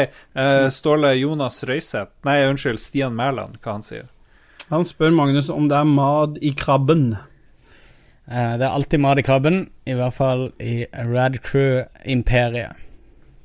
Nei, jeg skjønner ikke poenget. Om det er mat i det krabba, mat? sier dere det i Nord-Norge, Lars? Vi sier bare 'er det blod i bamsen', sier vi. Det sier Men, vi Oslo. men sier dere ikke når dere snakker eh, eh, Kjenner du ikke fenomenet med at krabber noen ganger er helt tomme når du, når du åpner dem? Og noen ganger så er det masse mat i dem? Ja, men det, det er sesongbetont. Ja, det er sesong. Det fins helt sikkert noe, noe likt her oppe, men jeg er veldig langt fra sjøen åndelig og Riktig. kulturelt. Spirituelt. Selv om jeg ser havet rett utenfor her, så ja. Ida, Ida har designa ei krabbe som både vaper og holder en eh, spillkontroll med den andre kloa, som vi eh, bruker som eh, emoji i, Wow. disk, på discorden vår. Og den skal selvfølgelig inn på, på Twitch-kanalen vår også, etter hvert, tenker jeg. Og det kommer noe Jeg lurer på om den skal komme i T-skjorteform også. Her er det vill reklame. Det er veldig bra. Jeg liker det. Pump it. Kynisk kapitalist i Det er dag. bra, det. Da har vi oppklart det. Eh, Magnus? Ja, eh, siden vi vet at Magnus har spilt WoW, kan han jo fortelle hva han har spist i det siste stedet, så får vi noen kulinariske innspill utover pågen. Ellers forventer jeg at Jon Cato og Magnus er uenige om minst én ting. Eh, eh, meg og Jon Cato er uenige om eh, at eh, jeg hater The Wire, så jeg føler jo, siden jeg name-droppa han i stad, så var det jo en uenighet jeg name-droppa. Så, Ja. så eh, check. Hva spiste jeg? I går så eh, eh, Jeg kjøpte en ny, en ny bok fra han jeg har lært å lage surdeigsbrød av. eh, Ken Forkish. Han har lagd ei bok som heter The Elements of Pizza. Så i går så lagde jeg pizza hjemme. Med en Oi. eh, skikkelig sånn prefermenta deig som hadde ligget i 36 timer i kjøleskap. Og eh, vi kjøpte en dritbillig pizzastein i vente på Pizzaståle, som er på vei til meg. Og, eh, men det funka bra. Oi. Veldig godt. Hjemmebakt pizza spiste jeg i går. Mm. Pizzaståle, kjenner du han, eh, Ståle? Ja, det er en god kompis av meg. Han, eh, Pizzaståle. Det er han som har gjort meg overvektig, for han som kommer med pizza hit hele tiden. Så han kjenner jeg godt. Ja, Mm, ok. en kul fyr. Øystein Reinertsen eh, lurer på hvordan det går med brødbaksten. Han tar en callback til nyttårsforsettet, for vi presenterte jo Vi spådde året, og vi kom med noen nyttårsforsett. Yes. Og Magnus mm. lovte å lage ett brød i uka, tror jeg, kanskje? Noe sånt? Eh, nei, jeg skulle bake 100 brød i løpet av 2018. Åh! Oi. Eh, Hvor det går. Nå, nå måtte jeg ta en pause. Eh, jeg, jeg, jeg tok og sjekka opp nå nettopp. Jeg, altså, jeg er jo ganske geeky, som noen har fått med seg, kanskje. Og eh, No. jeg har jo eh, ført et eh, ganske komplekst um, Excel-dokument, hvor jeg har spora Hmm. alle temperaturer i rommet, og temperatur i deigen, og temperatur på vannet jeg har brukt. Og så har jeg eh, Og på de forskjellige fermenteringstidene jeg har eksperimentert med, og alle sånne avvik fra hovedoppskriftene da, fra de brødene jeg har lagd. Og så har jeg gitt de karakterer på smak og på åssen de har heva, og, eh, og jeg lagde notater til meg sjøl til neste gang. Og det og det var ikke så bra, kanskje jeg skal prøve det neste gang. Og sånn. Så når jeg driver og teller gjennom her nå, så har jeg vel bakt 44 brød så langt i år. Så eh, jeg har litt å eh, hente inn. Oi. Da er det 56 brød til, og jeg baker to av gangen. Så eh, det er absolutt innafor. Jeg må bake 28 ganger, med andre ord. Ja, Før, kan du, kan før du klare. Har du Det var jo Jeg syns jeg husker du ga kanskje ut brød. Vi hadde en konkurranse. Du, vet du hva? Eh, det var bra du sa. Eh, det var en som vant eh, brød fra meg, som jeg aldri har fått. Så når, eh, når eh, produksjonen starter igjen på høsttid, så må vedkommende, som jeg tror friender meg på Facebook, bare send meg en PM og, og tips meg om det, så skal jeg, mm. så skal jeg lage brød til deg. Yes. Det betyr at alle, alle de over 1000 som eh, I hvert fall som hører det her, de, de kan bare sende en PM til eh, Magnus, så får de For jeg husker ikke hvem det er. så, så da må jeg bake 1000 brød før jul. Det blir spennende. Men, men eh, jeg har jo jeg har jo bakt mye mer enn jeg har klart å spise, til og med. Så jeg har jo delt ut både til min kjære og til venner når det har vært kapasitet og tid til det. Ja. Jeg vil oppfordre alle til å sende PM til Magnus. Ja. Så, send, så kan han telle. Det er jo en fin sånn her Hvor mange hører egentlig på oss? Det kan elsker Magnus nå finne ut av. Oppfordrer egentlig alle til å adde Magnus på Facebook. Ja. Ja. Det, du kan ha 5000 venner. Mm. Eh, hva heter han som er programleder for Robinson? Han der Kristoffer Krister Christer Falk. Christer Falk. Mm. Han har, han har hele tida nesten 5000 venner. Og så jeg lurer på om han driver og liksom sjonglerer inn og ut. Så jeg lurer på når jeg detter ut, fordi jeg, jeg ble venn med, gang, med han en gang fordi han ville ta kontakt og promotere en artist som han drev og liksom eh, knuste på med. Men det er litt gøy, fordi han bare bruker Facebook sånn totalt eh, kynisk hele tida. Nå trenger jeg det, nå trenger jeg det, nå trenger dattera mi det, noe som har det, liksom, bla, bla, bla. Og han har 5000 venner på Facebook. 4991 eller noe sånt. Så det er alltid noen som bare Ja, ja. Hvis du liksom henvender deg til 5000 folk, så er det jo alltid noen som gidder å gi deg et eller annet. Så han får konsertbilletter hele tida, eller han får mobiltelefon, eller han får alt, alt han vil ha. Yes. Så jeg anbefaler å få maks venner på Facebook og bare sende ut ønsker om ting du vil ha. Jeg hadde jo 666 venner for eh, eh, en del år siden, og da bestemte jeg meg for å holde for det. Så hver gang jeg skulle akseptere en ny venn, så måtte en annen bli uh, sletta. Det har jeg gitt opp nå. Men, men Lars, der hadde du nettopp en perfekt ny spalte. Hva ønsker Christer Falk seg? Det er en helt nydelig å ha Hva ønsker Christer Falk seg denne uken? Og så kan vi bare ha, Ja, ta og lese opp det hva han ønsker seg, hvis han ønsker seg så mye rart. Det Kan må vi jo ikke lage en sånn kickstarter for uh, Christer Falks uh, Ja. ønsker? Um, Ståle, hva vil Karsten Solheim uh, vite? Er vi, fortsatt, vi er fortsatt i sending, ja. Har begynt å bake brød, så kunne tenke meg en god oppskrift på et godt frokostbrød. Den må være Altså, jeg gir meg ikke før en av disse mener noe grisete med det de sier. Uh, ja. Du, du vet hva det heter på dansk, Ståle? Hvis du trenger du som Ja, må, morgenbrød. Yes.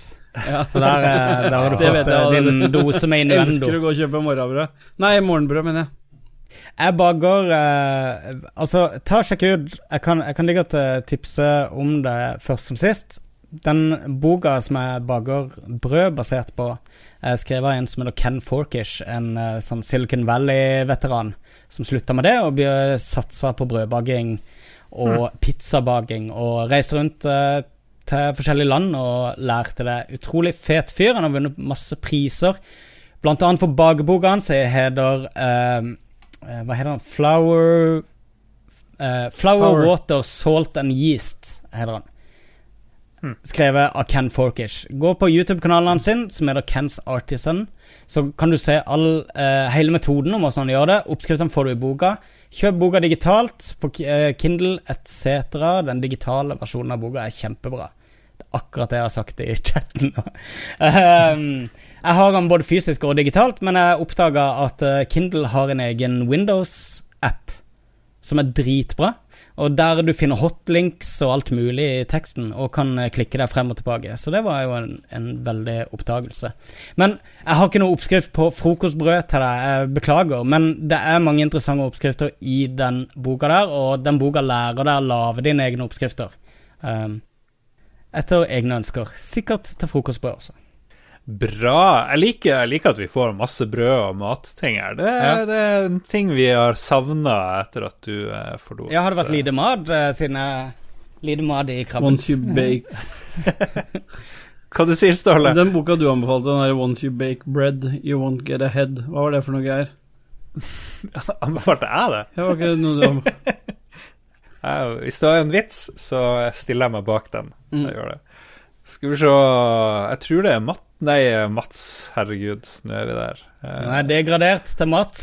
Det er greit. Ja, ja. Uh, skal vi se Truls Nordby spør uh, om noen har sett I Am A Killer, den nye dokumentaren på uh, Netflix, hvor de intervjuer ekte drapsdømte.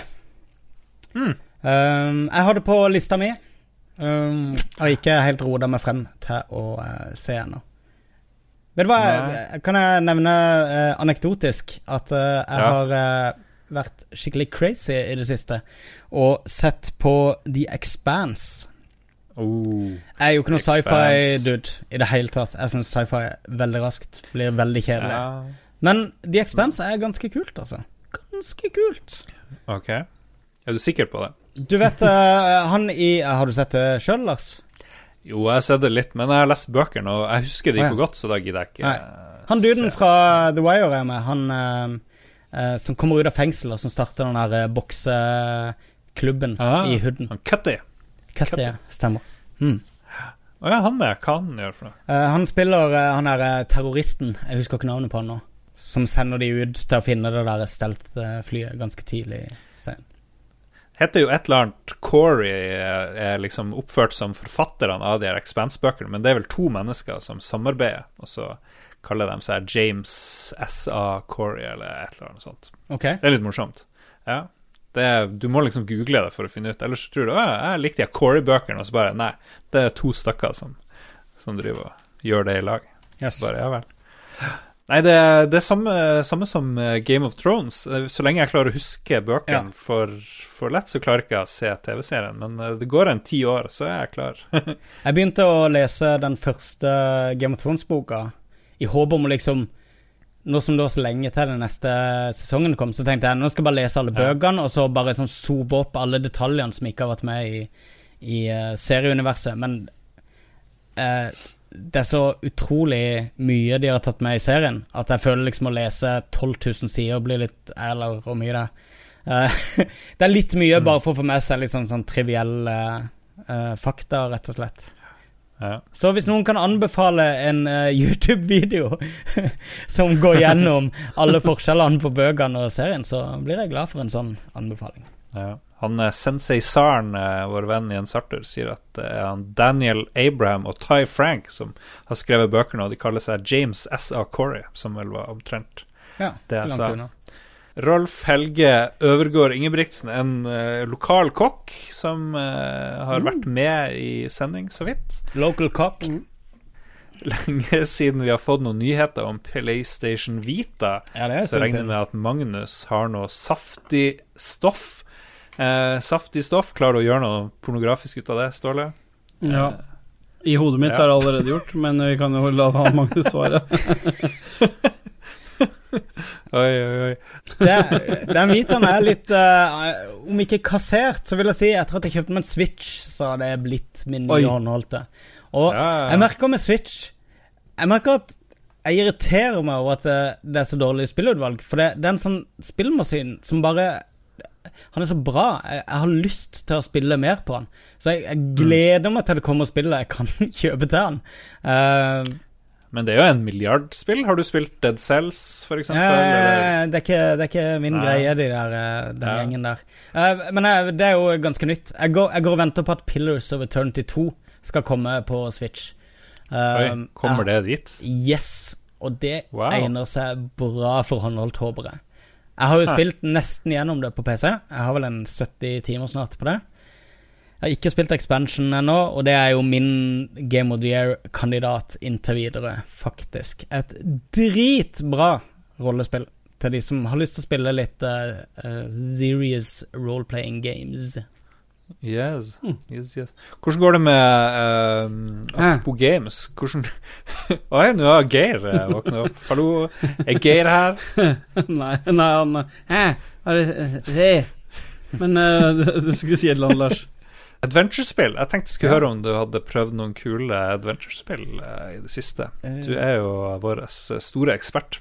Ja, eh, jeg har for så vidt det. Jeg har um, Eller det begynner å bli en stund siden. Nå ble jeg litt usikker på hva det heter. Eh, en, Prøvde du eh, der eh, den her eh, 2,5-versjonen av eh, Her Story? Nei, hva er det for noe? Ikke Her Story, jeg mener um... eh, Life is Strange-folka? Ja, ja, ja. ja. ja. Uh, pr prologen til Life is Strange 2. Du syns ikke det var bra? Captain Spirit. Spirit. jeg syns eh, Ja, riktig. Jeg, jeg syns det er ganske grusomt. Oi, oi, oi. jeg, jeg, jeg har sagt det før, at jeg, jeg liker ikke Life Strange. Jeg synes, eh, men jeg har ikke spilt det, det Captain-spillet. Det har bare ikke vært liksom, på radaren min. Nei, hvis du ikke liker eh, Life is Strange, så liker du nok ikke det. Nei, ikke sant. Um, men uh, det fins to adventure-spill, altså i en uh, kort, liten serie, som heter The Last Door, hvis ikke jeg husker feil. Skal bare få bekrefta det. Jo, der er det. The Last Story, ja. Det er to sesonger av det. Det er et spill hvor du egentlig eh, eh, bare klikker deg videre. Veldig enkelt oppsett. Ikke noe eh, kompliserte puzzles. Litt, kanskje. Men det er en, en veldig sånn eh, Litt sånn Kutulu-følelse over hele fortellinga. Utrolig okkult historie som fortelles enormt eh, gripende og bra ved hjelp av noen sånne veldig enkle visuelle og musikalske grep underveis. Da. Jeg anbefaler det veldig. Det koster veldig lite også, tror jeg. Det er under hundrelappen for en sesong. The Last Door sesong 1 og 2. Uh, Bortsett fra det så tror jeg ikke det er så veldig mye adventure-spill. Jeg har spilt mye Vampire uh, The Masquerade, faktisk. Uh, Bloodlines. Jeg vet ikke om noen av dere okay. husker det. Eh, hadde rolle, en rollespillbok, ja. penn og papir-rollespillbok om det der, tror jeg. Det er basert på det, og eh, det er Mm. knallbra. Det var liksom spill Det ble sluppet samtidig som Half-Life 2, og det var liksom det første tredjepartsspillet som brukte um, Mm. den Source Engine da det kom i 2004, eller whatever. Men det er et veldig bra spill. Du kan modde opp litt på grafikken, så det er levelig, og eh, veldig Ja. fett story fremdeles, altså. Eh, Hvilken sjang er det adventure-spill? Nei, det er, det er et rollespill. Det er et uh, tredjeperson action-rollespill, tror jeg du kan uh, klassifisere det som. Men veldig fett story, og du kan spille som forskjellige vampyrklasser. Fra liksom sånne overklassevampyrer uh, helt ned til noen sånne her eh, super ancient vampyrer som bare er så Jeg husker ikke navnet på den rasen nå. Det irriterer meg. Som bare er så fucked og onde at uh, dialogvalgene du har, har ingenting med hva du faktisk ender opp med å si til folk. Og du forstår ikke dialogvalgene dine fordi de er så fucka i hodet, disse her vampyrene, at det er helt absurd. Og du konstant så hører du stemmer overalt som roper for, og hvisker til deg forskjellige ting som ikke har noen ting med spillet å gjøre, whatsoever. Veldig Jeg satt og så på en som spilte det, og det var da jeg bestemte meg for å eh, sette i gang med det. Så det er nok et uh, spill jeg anbefaler. Kult. Ja. 2004-spill, var det Ja, ja. ja, jeg har vært litt Jesus sånn uh, Kost meg litt med gamle spill i det siste. Jeg skal ikke, jeg skal ikke si noe. Jeg, drev og, jeg fikk en eh, Amiga-monitor og en Amiga 500 i går, Oi, bare nice. på døra, servert med masse disketter. Så Ja, ja, ja. jeg har holdt på med sånne ting. Prøvde Yes. å få i gang nord og sør, hvis noen husker det. ja, veldig godt. Jeg husker det fra Commodore 64, kan det stemme? Kanskje det var et Jeg tror kanskje det bare var på Amiga. Ja, der spilte det hos. Jo, jo, det var Amiga, ja. ja. Jeg husker det kjempegodt. Det var veldig fett.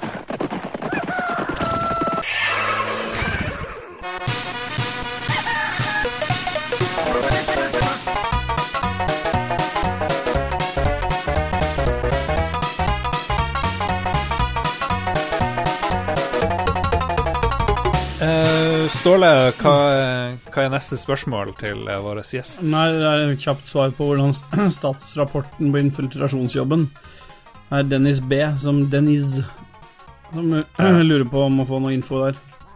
Han regner vel med at det det bare er en infiltrasjonsjobb i Rad Crew. Å ja.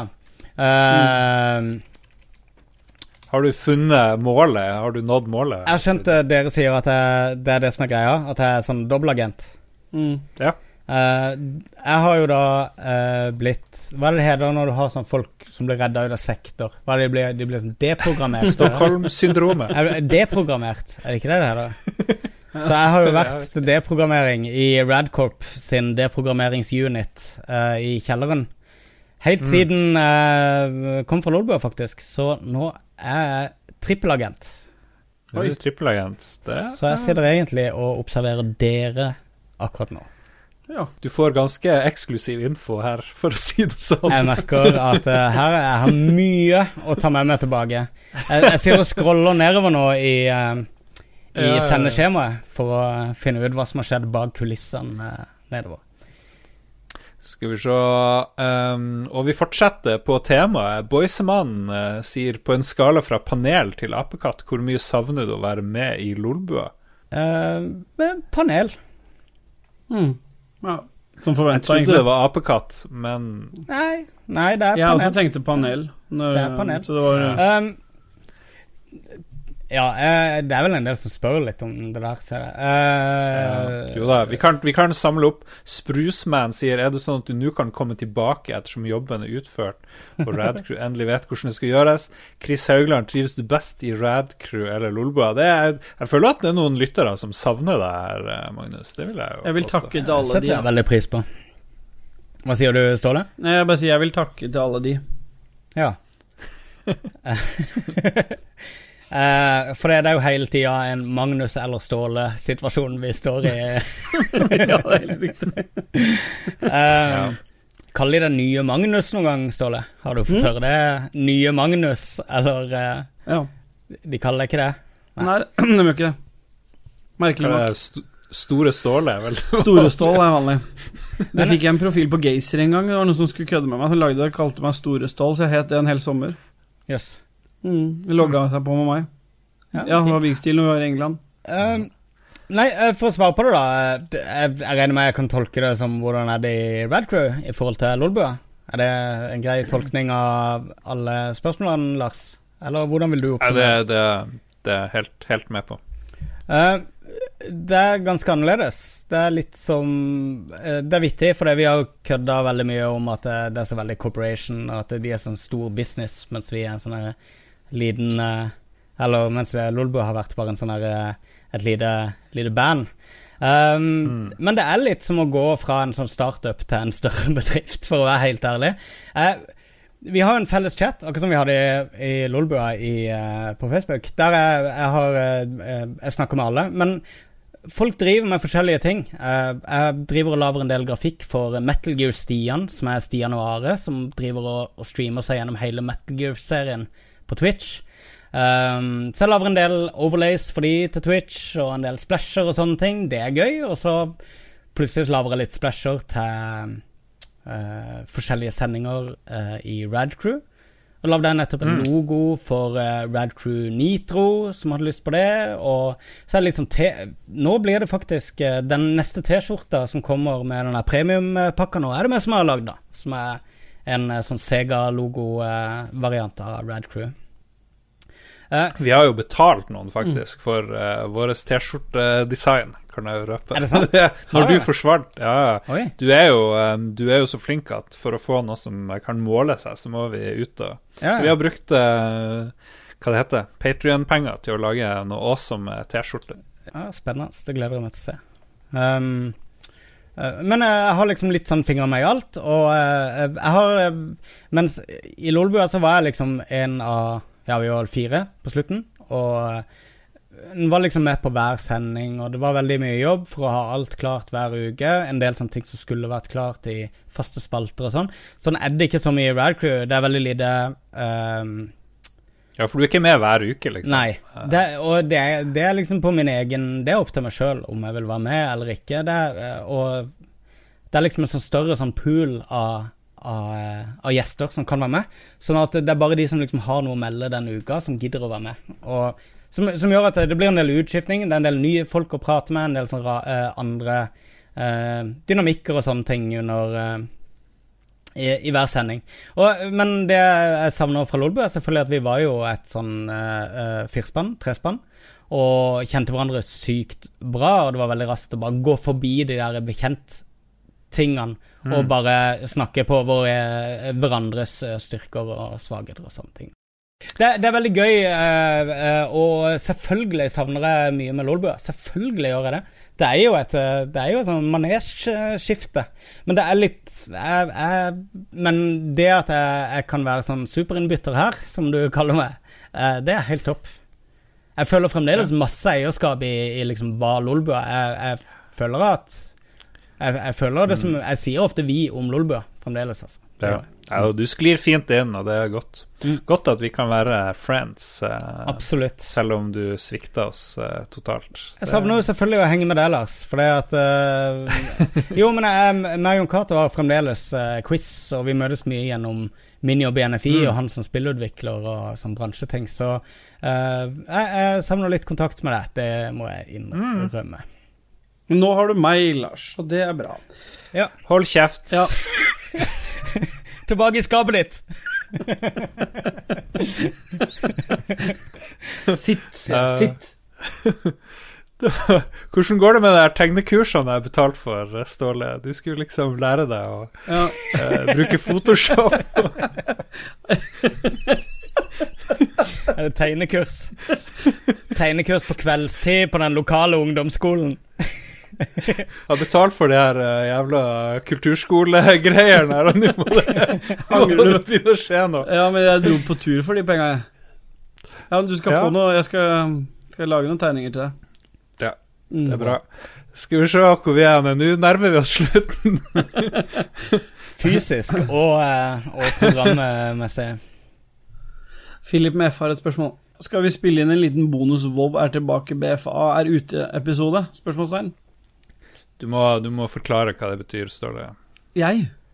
BFA betyr Battle for uh, Azeroth. Og eh, fuck you, Philip. Dette sendte du meg som en PM på Facebook om vi skulle spille inn en bonus hvor vi er tilbake, BFA er ute-episode. Og så går du rett i lolbua og gjør det samme, ja. Um, uh, ja, vi kan, vi kan gjøre det nå. Nei, men jeg, skal, jeg skal spille litt uh, WoW. Jeg lover Ja, jeg skal men gjøre det. og hvis du gjør det, en, eh, Lars, så hør med meg, sånn, så kan du joine på vår server, så kan jeg vise deg litt rundt, hvis du vil det. Eller jeg kan Ja. gi deg litt tips og sånne ting. Jeg tror du kommer til å kose deg.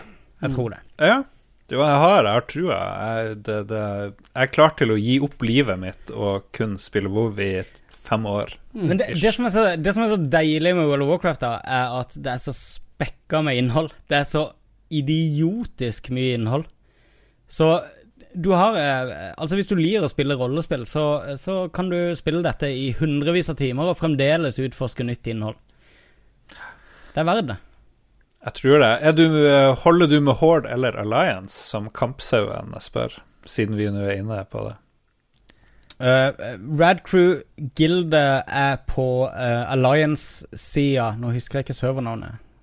Må liksom alle være på samme side for å spille i lag? Ja, det, Ja, men For å være i guild som Ja, du må være enten Horde eller Alliance, da, men det er jo mange raser på hver side, og det er, det er noen raser som kan, på, som kan velge side, da.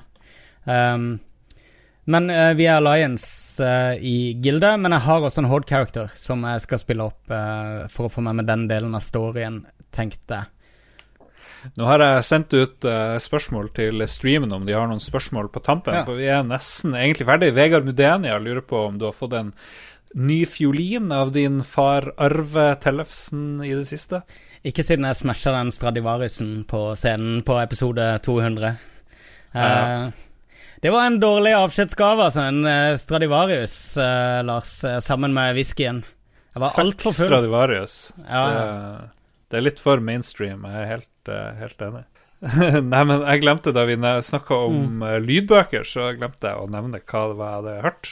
For de to bøkene jeg har hørt, det er um, I Must Say My Life As A Humble Comedy Genius av Martin Short.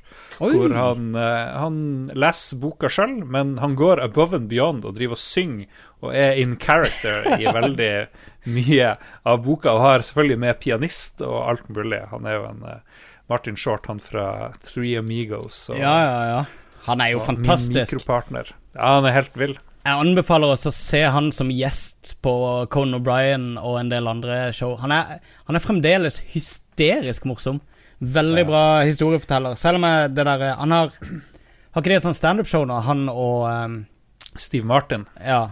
Det ble litt Ja. for sånn gamlis. Ja, det, det, det, det var litt for gamlis. Han er, jeg anbefaler deg, hvis du ikke har sjekka det, å søke opp Jiminy Glick, som er hans karakter, hvor han får å intervjue celebrities som Ja. en sånn her eh, litt overvektig eh, kjendisreporter som holder seg veldig, veldig bra. Det fins masse, masse For det var på Comedy Central en eh, lang, lang stund. Og så har jeg lest uh, As You Wish, uh, Inconceivable Tales from the set of eh, eh, Princess Bride, lest av han Carrie Elves. Som, store. eh, som har vært med og skrevet boka, hvor Rob Reiner og Billy Crystal og masse, masse, masse, karakterer eh, bidrar med stemmer til boka. Og det, det er det jeg liker med lydbøker, når de som, som var med på det, eller de som kan noe, er med Ja. og forteller og bidrar eh, og gjør ting. Og det Ja, det er jo en fordel. Har du klart å komme deg gjennom Stormlight Archive? Jeg husker vi snakka om dette for en stund siden, Lars. Han er grusom. Han er Eller de der to stemmeskuespillerne er fryktelige. Ja, jeg leste jo ned den siste Stormlight uh, Archive-boka. den nå. Ja. Å, herregud, så dårlig den er som lydbok. Har du lagt merke til at uh, i den tredje boka så har de ombestemt seg litt på åssen stemmer de forskjellige karakterene har? Og åssen du uttaler navnene til en del av dem? Nei, fordi jeg har bare hørt den siste boka som lydbok. De andre ja. har jeg lest. Ja. Ja, riktig.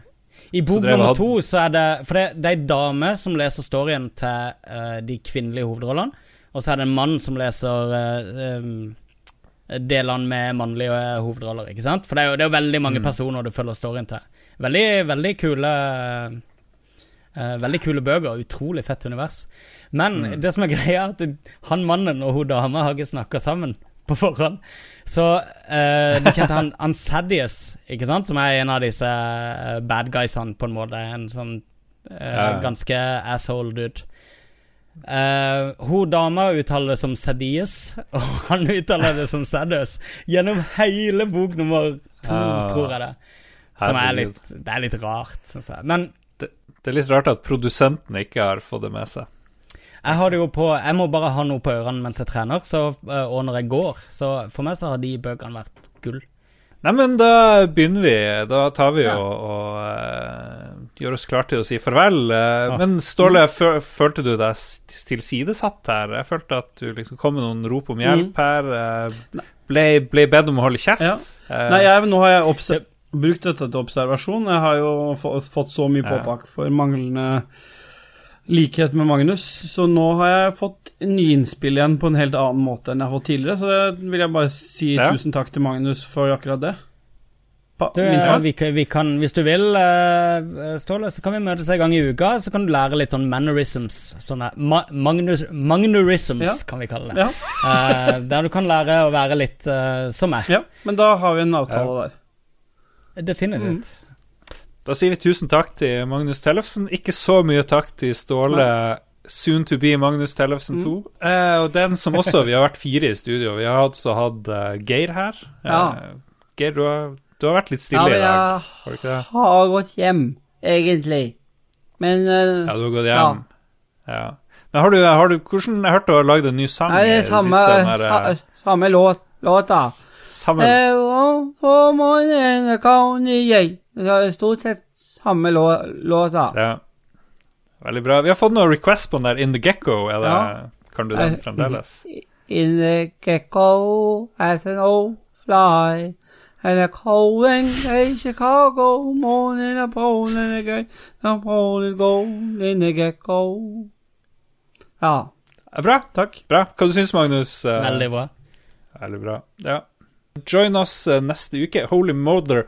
Eh, Ståle, du må finne ut hvem som er våre produsenter denne uka. Husker du det?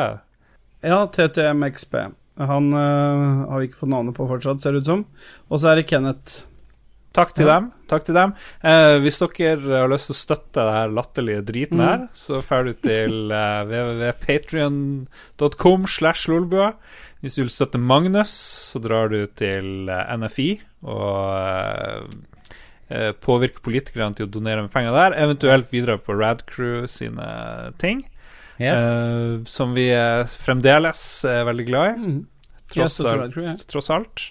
Uh, hvis du vil støtte Ståle, så tar du og knekker foten Mm. din. Skyt deg sjøl varsomt i, Nei, i ho i hodet. Nei, det må du ikke gjøre. Nei, Det var Det var det, det. Ja, okay. Skyter deg sjøl litt i armen. så blir Så kommer Ståle og, og hjelper deg, og så får han litt overtid. Det er Det er alltid kos. Jeg tror vi, jeg tror vi, jeg tror vi sletter alt Ja, jeg det der. det. Skal vi være enige om at vi sletter alt det der? Du, du, du skjærer deg. Du skjærer deg sjøl forsiktig. I hodet. Nei da, du tuller.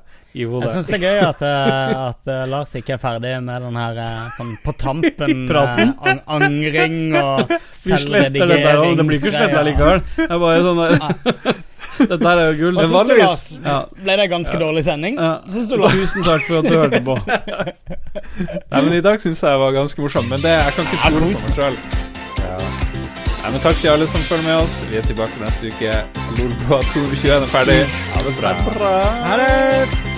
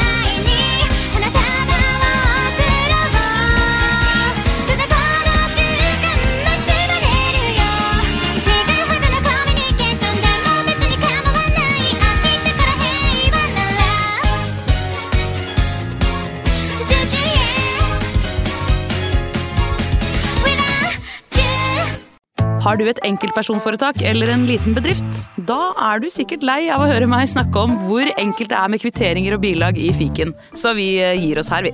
Fordi vi liker enkelt. Fiken superenkelt regnskap.